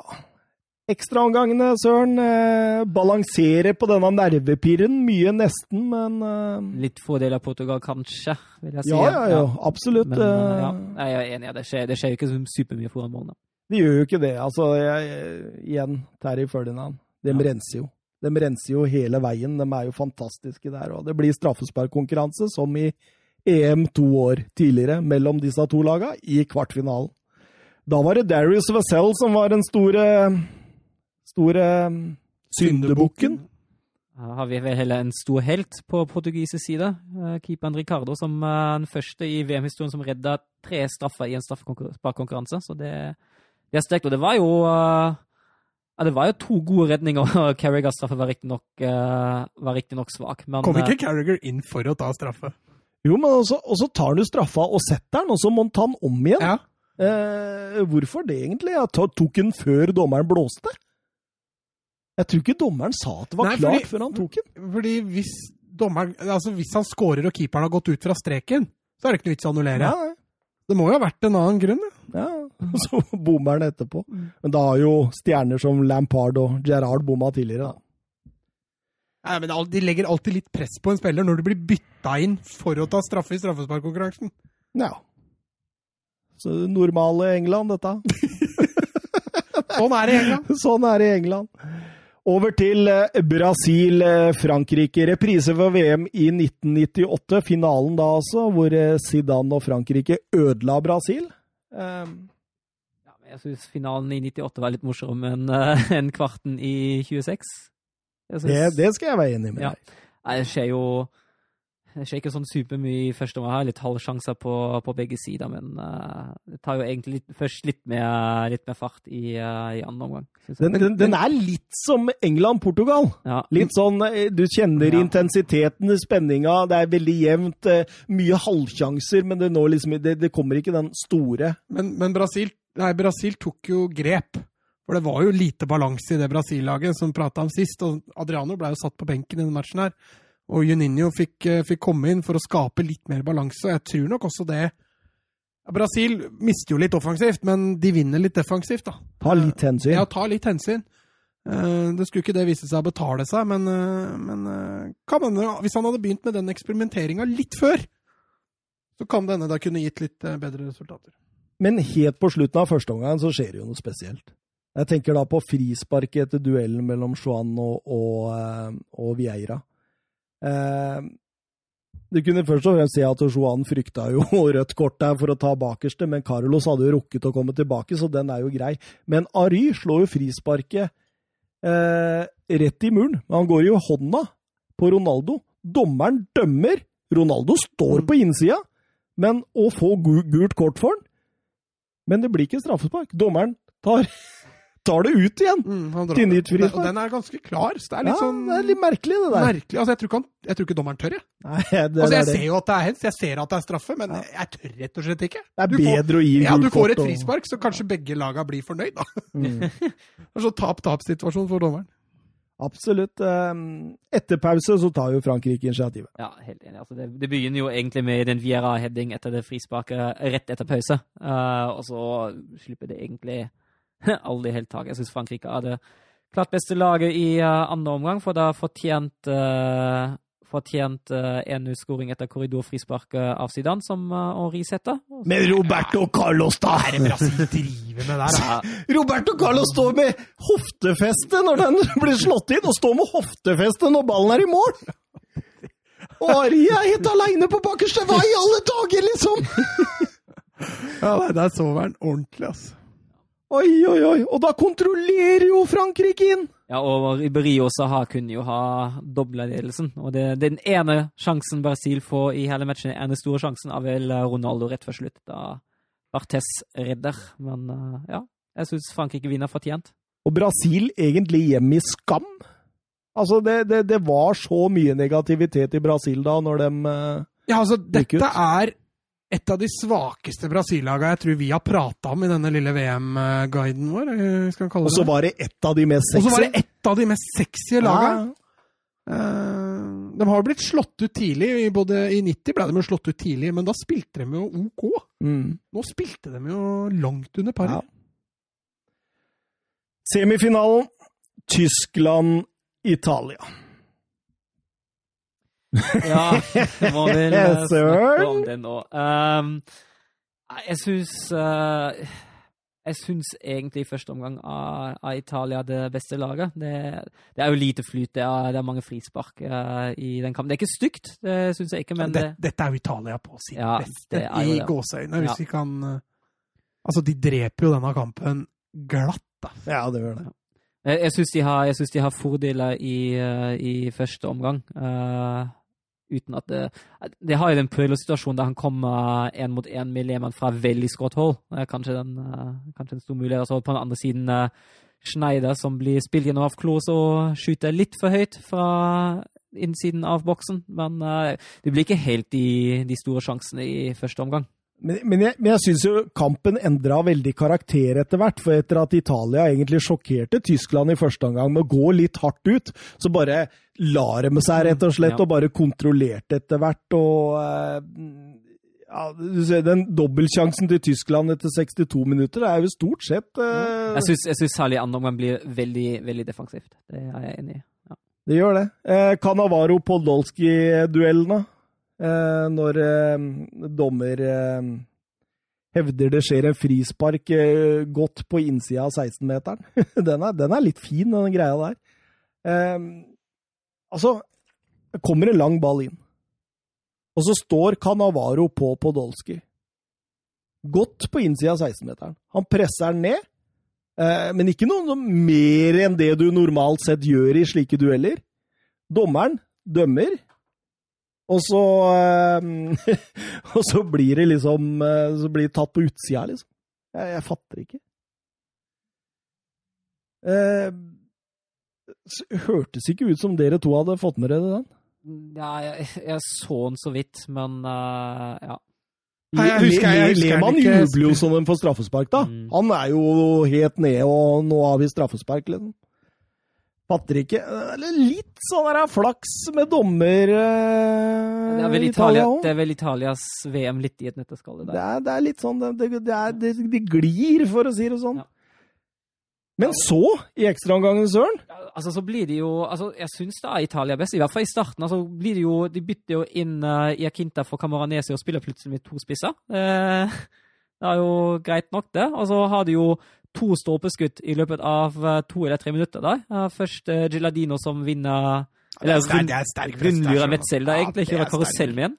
Så setter han i nærmeste, og uheldigheten uheldig at den går i stolpen. Og så har du Sambrotta som, eh, som slår i tverrliggeren etter, etter en corner. Det kunne fort ha vært 1-0. Når vi passerer 105 minutter, så er det fire spisser på banen for Italia. Det er nesten ikke midtbanespillere, og så er det Men det og, ser du i spillet òg. Ja, ja. Og så, altså både Totti, Del Piero, Gilardino og Ina Quinta er på banen. Og så eh, Lippi har jo blitt eh, spurt om dette i ettertid. At eh, liksom OK, eh, var det ikke litt store sjanser å ta? Og så sa han at nei, midtbanekrigen var over, den. Det var ikke noe midtbanekrig. Nå var kampene i boksene, og da må du sørge for å ha sterkest mulig angrep og sterkest mulig forsvar. Og sterkest mulig forsvar, det hadde vi, fordi eh, Mat Materazzi og Canavaro hadde full kontroll. Så han var veldig sånn klar på det der. der altså, det var eh, Og, og ja, skal jo sies at Tyskland hadde noen sjanse, men det er Italia som avgjør på slutten. Ja, det er det der Pirlo som spiller en sterk pasning fra 16 inn i boksen mot uh, Grosso, som setter han veldig fint i, i lengste hjørnet. En såkalt no look-pasning, ja. hvor han ser helt andre vei. Ja, og så var det etter en overgang at Del Piero setter han i krysset. Etter en uh, fin overlapp og bra gjennomspill av uh, Giladino. Så. Men uh, tyskere, de, de, er fine der i ettertid. De hyller jo Tyskland som fotballnasjon der, og hele stadion roper jo Jørgen Klinsmann, Jørgen Klinsmann. Og så er det faktisk første gang Tyskland taper en landskamp i Dortmund. Det har aldri skjedd før. Men, men, det tyske laget der, de hadde jo fortrylla det tyske fotballpublikummet litt. Ja, det, var... så, altså, altså den, det Tyskland du så i 0-2, da mm. altså, Det er klart, den var, den var høyere oppe nå. Ja, det var det. Og Tyskland var på rett vei. Ja. Og det var vel det de hylla, ikke at den ble slått ut. Ja, og så ja, var det ingen som, skulle, ingen som forventa før VM at Tyskland skulle komme til semifinalen. Det var, det var ikke noe krav, det var ikke forventa. Semifinalen var en bonus. Og selvfølgelig, man hadde jo lyst til å spille finalen, men man hadde allerede kommet lengre enn man hadde forventa at man kanskje skulle komme. da. Så da var man, var man fornøyd. Og så hadde man samtidig spilt god fotball, og god fotball i et VM, eller i et mesterskap, det var sist eh, Tyskland spilte i ja, nesten 1990 også. Mm. Det var, det var mørke år fra 90 til 2004. Åssen er det for Norge, da? Ja, fra, fra 90 til 98 år. Vi er, ikke, vi er ikke den er 94 til 2000 var det ganske bra. Ja, da var vi innom alle bortsett fra ett mesterskap, faktisk. 94 til 2000? Ja, ja, ja da, var, da var det EM i England. 96, ja. Gascoigne-skåringen mot uh... Ja, den glemmer du ikke så lett. Glemmer, den glemmer man ikke. Nei. Eh, Portugal, Frankrike, andre semifinale. Portugal, eh, mildt sagt en kontroversiell vei til semifinalen. Både ved denne MMA-kampen mot eh, Nederland og, og England straffesparkkonkurranse. Skulle møte Frankrike i godt form, altså i god sånn VM 98-form. Jeg syns det sprudla litt en periode der. Ja, en Zidane som hadde vært litt tilbakeholden i gruppespillet, begynte nå virkelig å spille på stortromma. Var jo hans aller siste mesterskap. Aller siste, nest, nest siste fotballkamp. Han hadde jo annonsert at han skulle legge opp. Eh, Frankrike var bra, altså. Den var veldig bra. Eh, kunne jo tatt ledelsen der etter ett minutt med Malouda, men eh, Malouda òg var bra! Ja, han var veldig bra. At Chelsea gikk på den smellen der, det skjønner jeg, altså. Han var god i finalen, det er ingen tvil om. Men det skjer jo egentlig ikke så veldig mye før det 33 minutt da Frankrike og Ary får straffespark etter han ble feid av Carvalho. Dommeren sikker i sin sak. Er dere sikre? Ja, jeg syns det var straffe. Han, han, han, treffer han på foten, og det, det ja. er helt greit. Ja, jeg er helt enig. Zidane? Eh, Carvalho, eh, Ricardo, mener jeg, hadde jo vært strålende på straffespark, eh, men han eh, han plasserer han godt. Altså. Dunker han i mål? Ja. Zidane viste vel i finalen at straffespark det er lettere enn avspark. Det, det, det kan han. Det kan han. Etter pause, Ari Nærmøy gir 2-0. Eh, fantastisk dobbeltrykk på Fernando Meira. Jeg digger de dobbeltrykka! De er jeg så super for. Altså, når, når, du rykker, og så slakker du av, og så rykker du forbi en. Og Ari var jo mester på det, og Fernando Meira der, der holdt han ikke stand, altså. Nei, men de beina til Henry, da. Herregud, så elegant lange klyv. Og så, så sterk han var! Han var sterk i tillegg! Og ekstremt målretta etter hvert, hvor han blei mer målskårer. Absolutt. Eh, Pauleta, småfarlig. Ronaldo har vel et frispark derfra. Hvor langt hold er det? 40 meter, eller? Pauleta. Det Kommer snart Nuno Gomez inn, så har du, og heller på stiga, så har du hele rekka di. eh, men eh, ja vi, vi, kan vel si at Frankrike kontrollerer ut. De girer det ned, tar Deko ut av kampen og eh, ja, Jeg syns de har full kontroll etter hvert. Det er jo stort sett bare Cristiano Ronaldo som har noe å bidra med offensivt. Ja, og, og Barthes, men og, og Barthes i sitt siste mesterskap. Eh, Ronaldo etter kampen sa det at eh, dommeren tillot altfor mye. Frankrike burde hatt flere gule kort, men dommeren turte ikke. Portugal er et lite land, og Frankrike er et stort land. Alle som så kampen, så at dette var unfair. Vi spilte god fotball, og Frankrike var ikke bedre enn oss i det hele tatt. De fikk en straffe, men lite annet. Er vi enige? Nei. Nei, ikke helt. Uh, at Frankrike skulle ha mer gule kort. Jeg kunne sikkert gitt et gult kort eller to, men ikke noe sånt som hadde utgjort noe forskjell, tror jeg. Og da går vi til en bronsefinale, og det, jeg vet du hva, Søren, jeg gidder ikke, så du kan snakke litt om det. Det var vel uh, til slutt fortjent uh, tysk seier. Schweinsteiger Grei, grei Schweinsteiger. Han tok Ja. en reprise. Han tok en hevn for å bli vraka i semifinalen, vil jeg si. Ja, og så kan man, jo, kan man jo nevne at det var Oliver Kahns aller siste landskamp. Man får forstå den i tredjeplassen. Og så var, det, var, var Tyskland veldig, veldig fornøyd med å havne på tredjeplass til slutt. Men jeg tror også Tyskland var mer motivert uh, for å vinne den kampen da enn, det var, enn Portugal var. da. Det tror jeg jo. Så fikk Mike Hanke, han som var Ja, han fikk 20 minutter! Ja, ja, ja, Wolfsburg-spilleren. Første, Som er allergisk mot gress, vet du. ja, det var, det var han i Wolfsburg første Wolfsburg-spilleren som spiller mesterskapsminutter for det tyske landslaget. Og bronse, det må jo sies å være greit, Søren. Det er veldig godkjent. det. Over til La Grande finale. Italia-Frankrike, hovedkamp 9. juli 2006 på Olympia stadion i Berlin. Reprise på EM-finalen fra 2000, hvor Frankrike til slutt vant 2-1 etter golden goal-skåringen av 3CG. 3CG. Det er også en poeng der.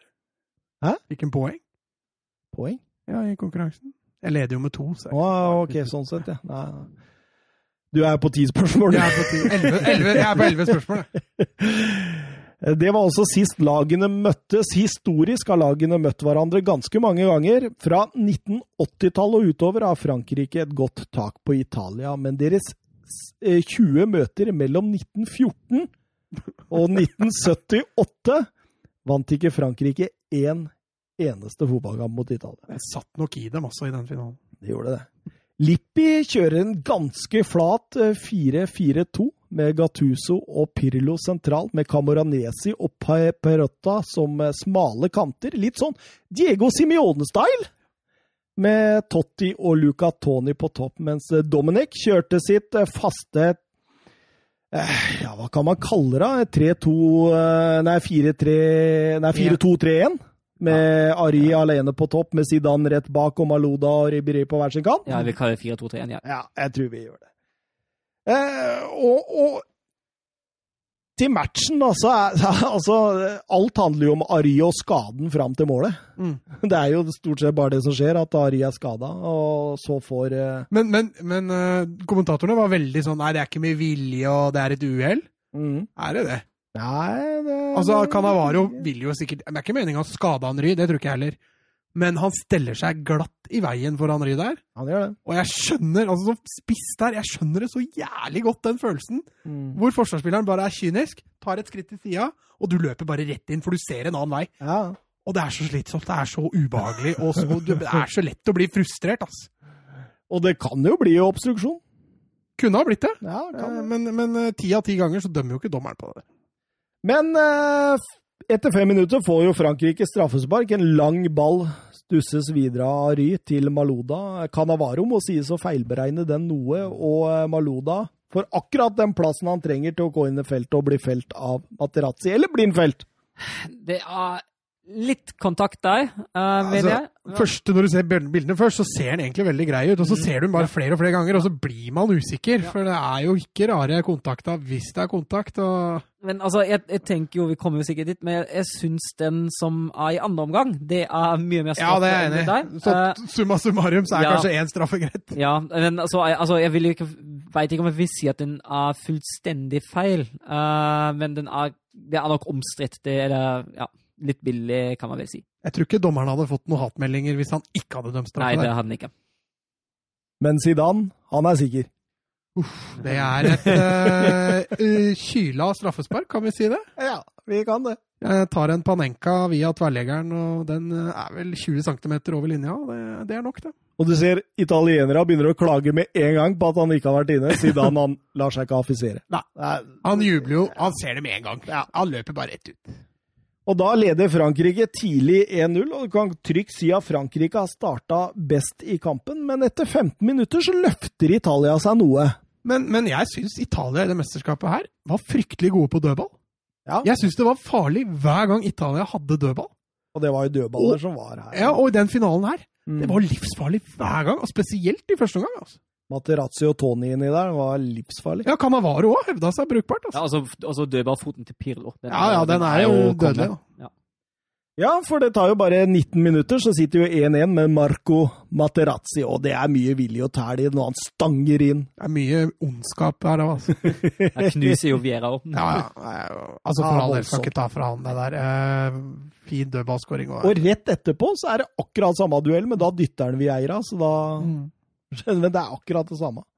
Men eh, jeg syns jo Frankrike starter best. Italia jobber seg inn i kampen. Mm. Og eh, når man begynner å nærme seg halvtimen spilt, så er det jo faktisk Italia som er det førende laget. Ja, jeg er helt enig. Eh, altså, altså jeg synes Italia er veldig, veldig flinke hver gang. Altså, Frankrike opererer i første omgang egentlig mye med, med lange baller. Uh, litt for mye, uh, syns jeg. Uh, havner jo gjerne hos, uh, hos midtstopperne um, og kommer ingen vei. Og, hvis Frank altså, og når Frankrike en sjelden gang da prøver å bygge opp etablert angrep, er Italia kjempeflinke til å trekke ti mann bak ballen. Det er bare Tony som blir stående på topp som regel. De, de er mye bedre i det presspillet, syns jeg. Altså det, er, det er der det avgjøres. At Gattuso og Pirlo er veldig altså, det var jeg, tette, vær så tette. ja, ja, jeg, jeg syns Zidane han gjør ikke noe defensivt, og det blir mye opp til Vieira og Makelele. Og Vieira han dro av gårde hele tida. Da sto de igjen med Makelele. Mm. Så, og jeg, jeg syns jo Pirlo i denne perioden er noe helt fantastisk, sammen med Gattuso. De styrer jo alt der. og Eh, Luca Toni, han eh, får vel også et, et tverrleggertreff etter en corner der.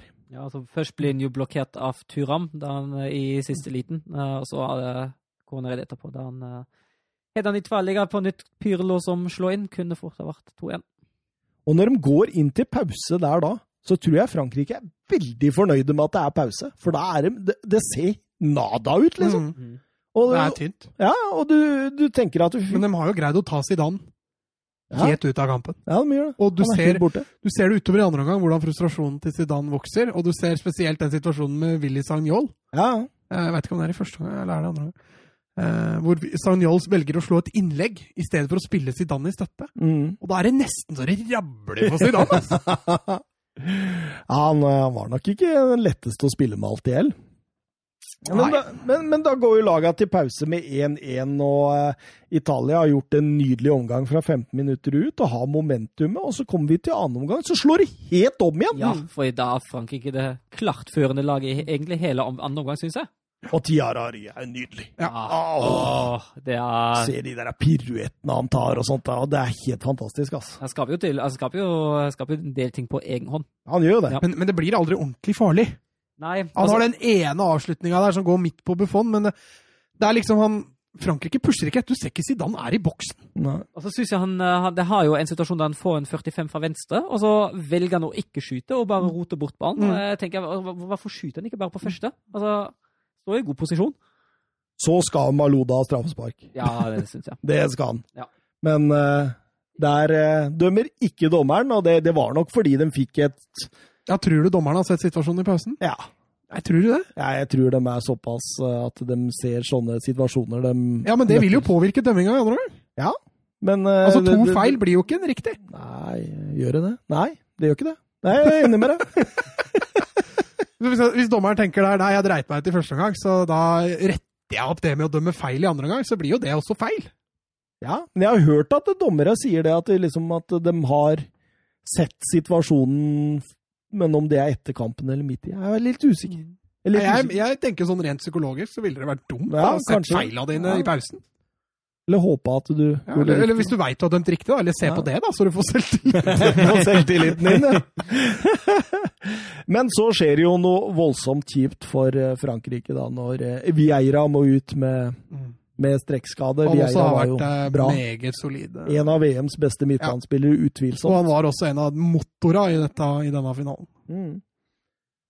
Eh, Dobbeltbytte på Italia. Perotta og Totti ut. Eh, Totti var jo helt anonym. Eh, Di Rossi og Ina Quinta inn. Eh, men eh, det, det er fortsatt Frankrike. Ja, det er fortsatt Frankrike. Altså, det går jo De Rossi går jo legger seg ved siden av Gattuso. Pyrlo blir jo litt mer offensivt, har vel med den Totti-rollen. Totti men de får ikke helt, eh, helt til på midtbanen. Altså, jeg synes Gattuso prøver jo så godt en kan, men det, det blir lite kontroll på midtbanen. Det som, eh, som de har vært inne på, at, vi, at de har vært gode til i første omgang, det fungerer ikke like så bra i, i andre. Det er jo det eneste stort sett Italia har. Det er jo frisparket fra Pirlo. Ja. Mm. Ellers så har de jo ingenting. og det, du, du, føler jo at den sitter når som helst for Frankrike, men det, det glir over til ekstraomganger. og um, Det ser jo ut som der også, fra første sparka på ballen, at dette vil Frankrike avgjøre. Mm. Det gjør det. Eh, Sjanse for Riberi der, når han spiller vegg med Maluda. Blir takla av Canavaro, men likevel klarer Maluda å få levert den tilbake der. Riberi setter fart rett inn i 16-meteren. Og ser du den finta han har på Di. Rossi der? Den er helt nydelig. Han ble bytta ut rett etterpå, da, så han var ikke helt fornøyd med det der. Nei, for han setter den jo rett utafor der. Eh, Riberi ut og Trezeguet inn, ja. Jeg tror det var folkekrav fra Frankrike. De lurte jo veldig på de franske folka hvorfor. Han spilte jo veldig lite i det mesterskapet. Og de lurte jo på hvorfor. Han var jo eh, Og det var jo Hørte du jubelen, eller når 3CG ble bytta inn? Eh, så er jo den store Zidane-sjansen når han får innlegg fra Sanjol. Ja. Eh, nydelig eh, løp. Ja, og nydelig redda av Poffon. Og, ja, det er re- reaksjon på høyt nivå. Ja.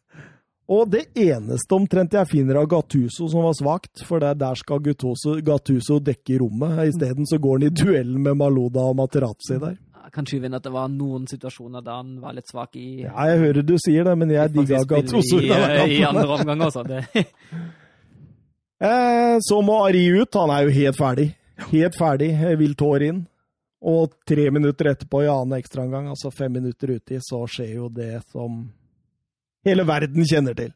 Ja, det er vel en av VMs-historiens mest kjente øyeblikk. Eh, når Zidane skaller ned Matarazzi der, og, og etterspillet på det der. Eh, Matarazzi blir jo hata av en hel fotballverden, eh, inkludert meg sjøl. Eh. Jeg hata Matarazzi sterkt lenge. Eh, egentlig glemt situasjonen litt, for jeg så det igjen nå. Jeg gleda meg litt til å se det igjen. Eh, og jeg husker jeg så et, eller leste et intervju med Materazzi, for han gjorde jo en del intervjuer etter dette her, eh, hvor han sa det at ja, han beklaga til Zidane, og han, han syntes jo det var kjipt, men, men han følte ikke han hadde han følte ikke han hadde tatt inn noe ekstra. altså Hensikten her var ikke å få Zidane utvist, men hensikten var bare å få Zidane litt ut av balanse. Eh, og den følelsen jeg sitter igjen med nå med Zidane, er jo at eh, litt samme som Rooney. Han kan takke seg sjøl lite grann også. Det er ikke bare Materazzi sin skyld. Nei, nei, nei. Eh, Så den, der, den enorme hatet han fikk mot seg nå, det følte jeg nå, var kanskje litt uberettiga. Men eh, for det, eh, det sitter et hat der til Materazzi fra 2010. Det går ikke an å bli kvitt, altså. Det gjør ikke det, selv om jeg prøver å være objektiv. Ja, men altså, han sier jo ikke noe verre enn det som blir sagt på fotballbaner rundt hver eneste Nei, han gjør jo egentlig ikke det.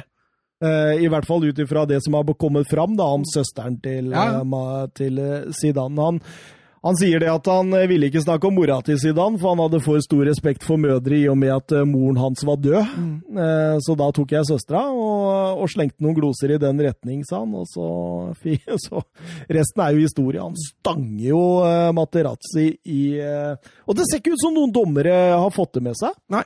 Og, og, og der kommer vi til det vi snakka om i stad, Søren. At eh, jeg veit egentlig ikke hva det er, men jeg, jeg mener ikke denne gang, men jeg mener å ha sett et intervju der de sier at de tok en sjanse. Ja, altså Jeg mener jo at eh, når jeg så det siste, at, linje, at han gikk bort til linjedommeren. Ja, men jeg tror de simulerer det. Ja. Jeg, som, Eh, som sagt, jeg har lest at det var fjerdedommeren som kom med et innspill, så det er fint da har vi tre Ja, vi meninger tre- om samme situasjon. Tre forskjellige! og ingen av oss kan liksom si ja, det var det. Nei, men det er, det er et par-tre år siden jeg så det intervjuet. Jeg husker jeg tenkte wow, der er det flaks at dere tok rett. Ja, tenk å bomme på Ja. det, ja, hvis det er sant. Men eh, han dommeren også, som sa det, han sa at vi var sjeleglade når vi så det etterpå. Mm, Men altså, det er jo litt sånn VM 66, det målet til 3-2 til- som England, som England tar. Linjedommeren sier jo han dømmer på det målet, fordi han mener at de tyske spillerne ser lei seg ut, mens engelskmennene ser glad ut. Det er derfor han løfter flagget og sier at det er mål. Mm, stemmer, stemmer. Så det, det har vært noen sjansespill i, i VM-finale, hvis det stemmer. Og i 2014 så fikk jo Tyskland sin revansj for den. Ja, det stemmer det. Og Lampard sitt skudd der var eh, én meter på innsida eller noe sånt. Var det i 2014 Var det ikke det? i Det var i 2010, tror jeg. 2010, ja. Sør- Sør-Afrika. Sør Sør 2010 var det. Stemmer det. Stemmer det. Tida går. Det er neste uke, det. Nei. Nei, vi skal ha Bundesliga neste år, Mats. Nei, neste Ja, neste, ja det er enig. Vi tar Bundesliga neste år. Men da er man eh, ti mot elleve, og det er ti minutter igjen. Men jeg syns ikke Italia drar noen fordel av det. Jeg syns Frankrike har mest ball. Frankrike styrer mest, Frankrike forsøker mest. Og... Men det, ingenting skjer, og det blir straffesparkkonkurranse. Ja, men her er vi litt inne på de byttene som blir gjort underveis. da. Eh, nå, nå må han jo gjøre det Vieira-byttet. Eh, Diarra som kommer inn, er jo rent posisjonsbytte. Eh, så gjør han det Ribéry-byttet. Det, det, det forstår jeg ikke. Hvis det er sånn at Ribéry ikke er skada eller er sliten, så skjønner jeg ikke det byttet. For 3CG som kommer inn nå, er jo ingen kantspiller. Nei. Eh, Ja, man skyver jo han skyver- Ary ned i de minuttene Ary orker, ja! orker. Ja, men hatt, altså, Han kunne jo selvfølgelig ikke vite at Zidane skulle bli utvist, men han tar jo av én potensiell straffeskytter. Mm. Altså ti minutter før slutt, da. Han gjør det. Han gjør det. Eh, og det Samme med Ribéry. Og det går jo til straffesparkkonkurranse, og eh, Andrea Pirlo starter. Setter sikkert. Trykk i midten, ja. 1-1. Vilt hår. Eh, sender Buffon vei feil vei. 2-1 Materazzi. Ja, ja, han eh, klinka han i hjørnet. En hel verden ville han skulle bomme på den. Sterkt, det. Og så kommer 3CG. Ja, han kliner til. Han skal ha den høyt. eh, Den treffer undersida av tverrliggeren og på feil side av streken. Daniel Di Rossi. I krysset. Erik Abidal. Ja, 21 år! Kommende Barca. Setter den trygt i hjørnet. Del Piero. Ja, han skårer, han òg. Sender Barthes feil vei. Ja, det er vel... Barthes på det tidspunktet, da så du han begynte å bli frustrert. Ja. Han var ikke i nærheten. Sanjol sender Buffon eh, feil vei også, eh, sikker. Men så Fabio Grosso helt- avgjør det hele. Helten fra semifinalen og til slutt også finalen. Italia vinner VM under disse omstendighetene. Det er jo bare å ta av seg hatten og si ekstremt eh, godt levert, men også litt eh, tur på veien. Ja, eh, skal du vinne et VM, så må du ha litt flyt og marginer. Og det, det hadde Italia. De hadde en fantastisk tropp. Og som jeg har vært inne på før, det Italia mangla i de forrige VM-ene, var en playmaker på midten. Og nå hadde de kanskje verdens beste. Andrea Pirlo. Og det tror jeg hadde en del å si. altså. Begynner å nærme oss to og en halv time her nå. Skal vi rønne av med banens beste? Yes! Søren vil begynne. Ja. Uh, tok lang tid å tenke på, på den her. Jeg hadde Ja, jeg sleit òg. Dette er den Ja. en av de jeg sliter Ja. mest Jeg er helt enig. Jeg, hadde, jeg, jeg runda det hele ned til seks kandidater, uh, og jeg bestemte meg for å gi Turam tre. Jeg syns han er helt fantastisk bak der. Han er trygg i oppbygging. Han vinner nesten alt av dueller. Han har en viktig blokkering mot Tony. Jeg syns han spiller en fantastisk kamp. Eh, To til Gattuso. Jeg er enig med Thomas at han eh, over en lang periode spilte en stor kamp med noen svakheter i, i andre omgang, men eh, sterkt prestert. Og så gir jeg én til Ori, som delvis står for en god del aleneunderholdning på toppsalet i andre omgang, men jeg vurderte også sterkt eh, Malouda og Materazzi. Ja, jeg var også faktisk inne på Matarazzi, men jeg klarte ikke å dytte han inn Nei, ikke, ikke- Jeg hadde ikke sjans. Det var bare å glemme. Eh, og så har det seg slik at dette er eneste gangen, Søren, hvor vi har mulighet til å gi tre poeng til Zidane. Eh, så jeg gjør det, altså. Jeg veit han var ikke god, men eh, aldri før og aldri igjen skal vi ha mulighet til å gi Zidane tre poeng. Eh, så derfor får han tre Ja. poeng. Ja. Det var det første jeg skrev opp. Han hadde ikke noe god kamp, men sånn er det når du elsker Glad, fotball. glad i realspilleren. jeg er glad. Han han er den eneste realspilleren jeg virkelig har vært forelska i. To poeng er til Pirlo. Har jeg syns han spesielt i første omgang eide den midtbanen, spesielt når Italia styrte offensivt. Andre omgang så er jeg mener han er den eneste som faktisk får til litt da, på den midtbanen til, eh, til Italia. Eh, på den siste, så ah, der hadde jeg spesielt tre stykker. Jeg var innom, eh, innom Henri, og jeg var innom Gattuso. Og så hadde jeg faktisk også Vieira. Ja, men i og med at han ikke spilte hele kampen, så lander jeg på, på Gattuso. altså. Ja, jeg har tre poeng til Gattuso. Jeg syns han var strålende. En kriger som var god når Italia var gode, og var best når Frankrike var gode. Han var en sånn derre Altså, jeg tror grunnen til at Canavaro vant Ballon d'Or 2006, tror jeg altså han kan takke Buffon, og han kan takke Gattuso for dette VM-et her. Ari, to poeng. Jeg syns han var fantastisk. Han var et enmannsangrep på en periode der. Eh, Jeg er forbløffa over hvor sterk han var. Jeg kan ikke huske så, at han var så sterk. Helt eh, en atlet på det aller, aller øverste nivå. Så gir jeg ett poeng til eh, Marco Materazzi. Eh, Straffespark han lager, svært tvilsomt. Eh, vinner dueller i begge bokser, skårer jo. Jeg takler jo så det lukter svidd såre den taklingen så siden han fløy. Jeg syns han gjør en strålende, strålende kamp. Eh, godeste Marco Materazzi. Men så, så vil jeg ha en litt sånn brannfakkel på slutten, Mats. Ja. Eh, for jeg Når det kommer til Nå kommer jeg sikkert til å få kjeft. Eh, av eh, i hvert fall folk på Twitter og sånn. Fordi det er jo knyttet en enorm kjærlighet til Canavaro etter dette VM-et i 2006. Eh, hører jo også, De skryter jo voldsomt av den i andre podcaster og drar jo fram eh, Canavaro som eh, verdens beste stopper gjennom alle tider, og det, er ikke måte på, liksom. Eh, så, så, tenkte jeg liksom, så så jeg en kamp han spilte, det, det var så under par i. Så jeg jeg er ikke ute etter å ta bort kjærligheten til folk, altså, Vi får gjerne ha det. Men jeg ønska bare å se bak Ballon d'Or. Hvorfor fikk han det? Eh, for jeg også var med på den hypen. Jeg også var sånn Fy faen, god Canavaro var i 2006. Jeg var veldig sånn, da. Eh, for jeg huska jo spesielt Tyskland-kampen godt, for der var han jo strålende. Han var jo helt enorm i Tyskland-kampen. Men ettersom jeg så flere av Italias kamper denne gangen, så tenkte jeg at ah, posisjoneringsspillet ofte ute av posisjon. Eh, litt klareringer i hytt og pine, sånne småfeil hele veien. Eh, kunne aldri ta med seg ball over lengre per eh, strekker, sånn som f.eks. Lucio var veldig god til i dette VM-et. Eh, og i, i, dette mesterskapet, som jeg sa, både Buffon tror jeg er en, eh, en, eh, pådriver til dette. En Gattuso var kanskje nøkkelen i mye av det. Eh, etter at Gattuso kom inn i laget, så slapp de jo ikke inn ett eneste spillemål. Det gjorde de jo de to kamp, foregående kampene. Selvmålet til Sacardo der. Så så jeg på angripere de møtte i VM, så var det sånn Gian, McBride, Barros, Viduka Ja, det ble ikke sånn skikkelig skikkelig, før helt på slutten. Da møtte du Klause, du møtte Podolsky, du møtte Ari. Eh, men så tenkte jeg OK, må det være Juventus, da? Så gikk jeg inn og så så jeg Champions League. Hva skjedde der? Eh, der røyker jo dem i kvarten mot Arsenal. Eh, og Ary vasker jo egentlig gulvet med Canavaro i 2-0-seieren på Highbury der hvor eh, 1-0 ved Fabregas der, hvor han nok en gang er ute av posisjon, som så mange ganger før, og 2-0 hvor han er på etterskudd etter Ari der.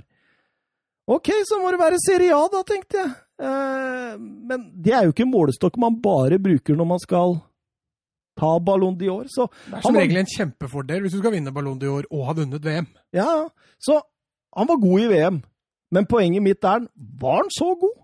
Kunne, kunne det like godt gå til Buffon eller, eller eh, Gattuso?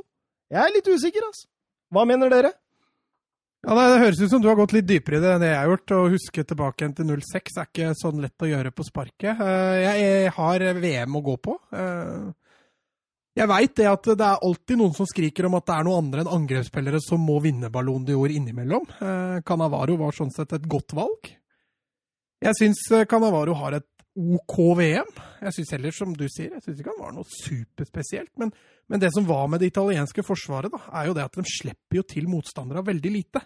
Ja, men det tror jeg andre jo, jo, jo, men jeg sier ikke at det bare er Canovaro sin skyld. Ja. Det er et godt kollektiv, og det er jo leda av Canavaro. Og ja. at han er en god ledertype, det tror jeg det er ingen tvil om. Så om det er fortjent å vinne Ballon d'Or 06 Jeg tør ikke å si ja eller nei. Altså. Jeg syns det, det, er vanskelig sjøl. Altså, var jo Altså, jeg, jeg, er jo enig med det Thomas legger fram, hvis du har gått så godt i, så godt i dybden som du har gjort.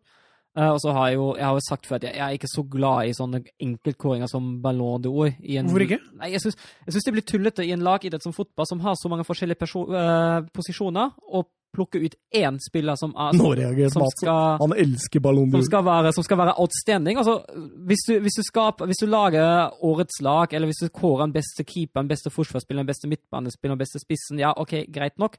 Men jeg synes å velge én spiller, når du ikke kan sammenligne en keeper med en spiss, eller en uh, forsvarsspiller med med ja, en det er høyrekant det, vet du. Han har kjærlighet for keepere, ikke sant. Nei, det er ikke bare det. Men uh, jeg, jeg Han elsker Bodo Ilden. Hva heter han der russiske keeperen som har vunnet? uh, Yashin Yashin, ja. Lev. Lev Yashin. Ja. Men nei, altså, jeg, jeg, jeg er ikke så glad i sånne, i sånne kåringer for enkeltspillere uansett, så ja. Det skaper jo litt interesse, da. Sånn som vi sitter her nå og diskuterer, var det riktig at han vant? Jo, jo, for all del. Man jeg bare mener at det hadde vært bedre med et, bare med et lag, eller noe sånt. Kåre, Jeg, Kåre, jeg, jeg mener i hvert fall at folk kan gjerne ha kjærlighet til Cannavaro. Han gjorde det godt VM. Han gjorde en fantastisk kamp mot uh, Tyskland, og han løfta den pokalen. og All ære til det i en vanskelig tid som Juventus-spiller. Men det er ikke så bra som det mange tror. Det tror jeg. Nei, to og en halv time. Vi må avrunde. Ja. Eh, neste gang, Bundesliga. Bundesliga. Og så en liten ved siden av, så kanskje vi holder oss under to timer. Da. En liten ved siden av. Ja, jeg tenkte å lage et eller annet lag eller noe sånt ved siden av. Vi kan ikke bare Ja. Men det vi, Vi kan, kjører ufortjente Ballon d'Or-vinnere, da. Eh, vi snakka om eh, å sette opp eh, laga i Tyskland, Italia, Spania, England. Eh, Allstar-laga fra 2000 og utover. Det er litt gøy. Åh, det er, det er ikke lett. Nei, men det er det. Det, det skaper litt diskusjoner og drar opp litt eh, gamle helter. og Det er gøy. Ja, Hvis vi legger ut det på Twitter, er alltid da...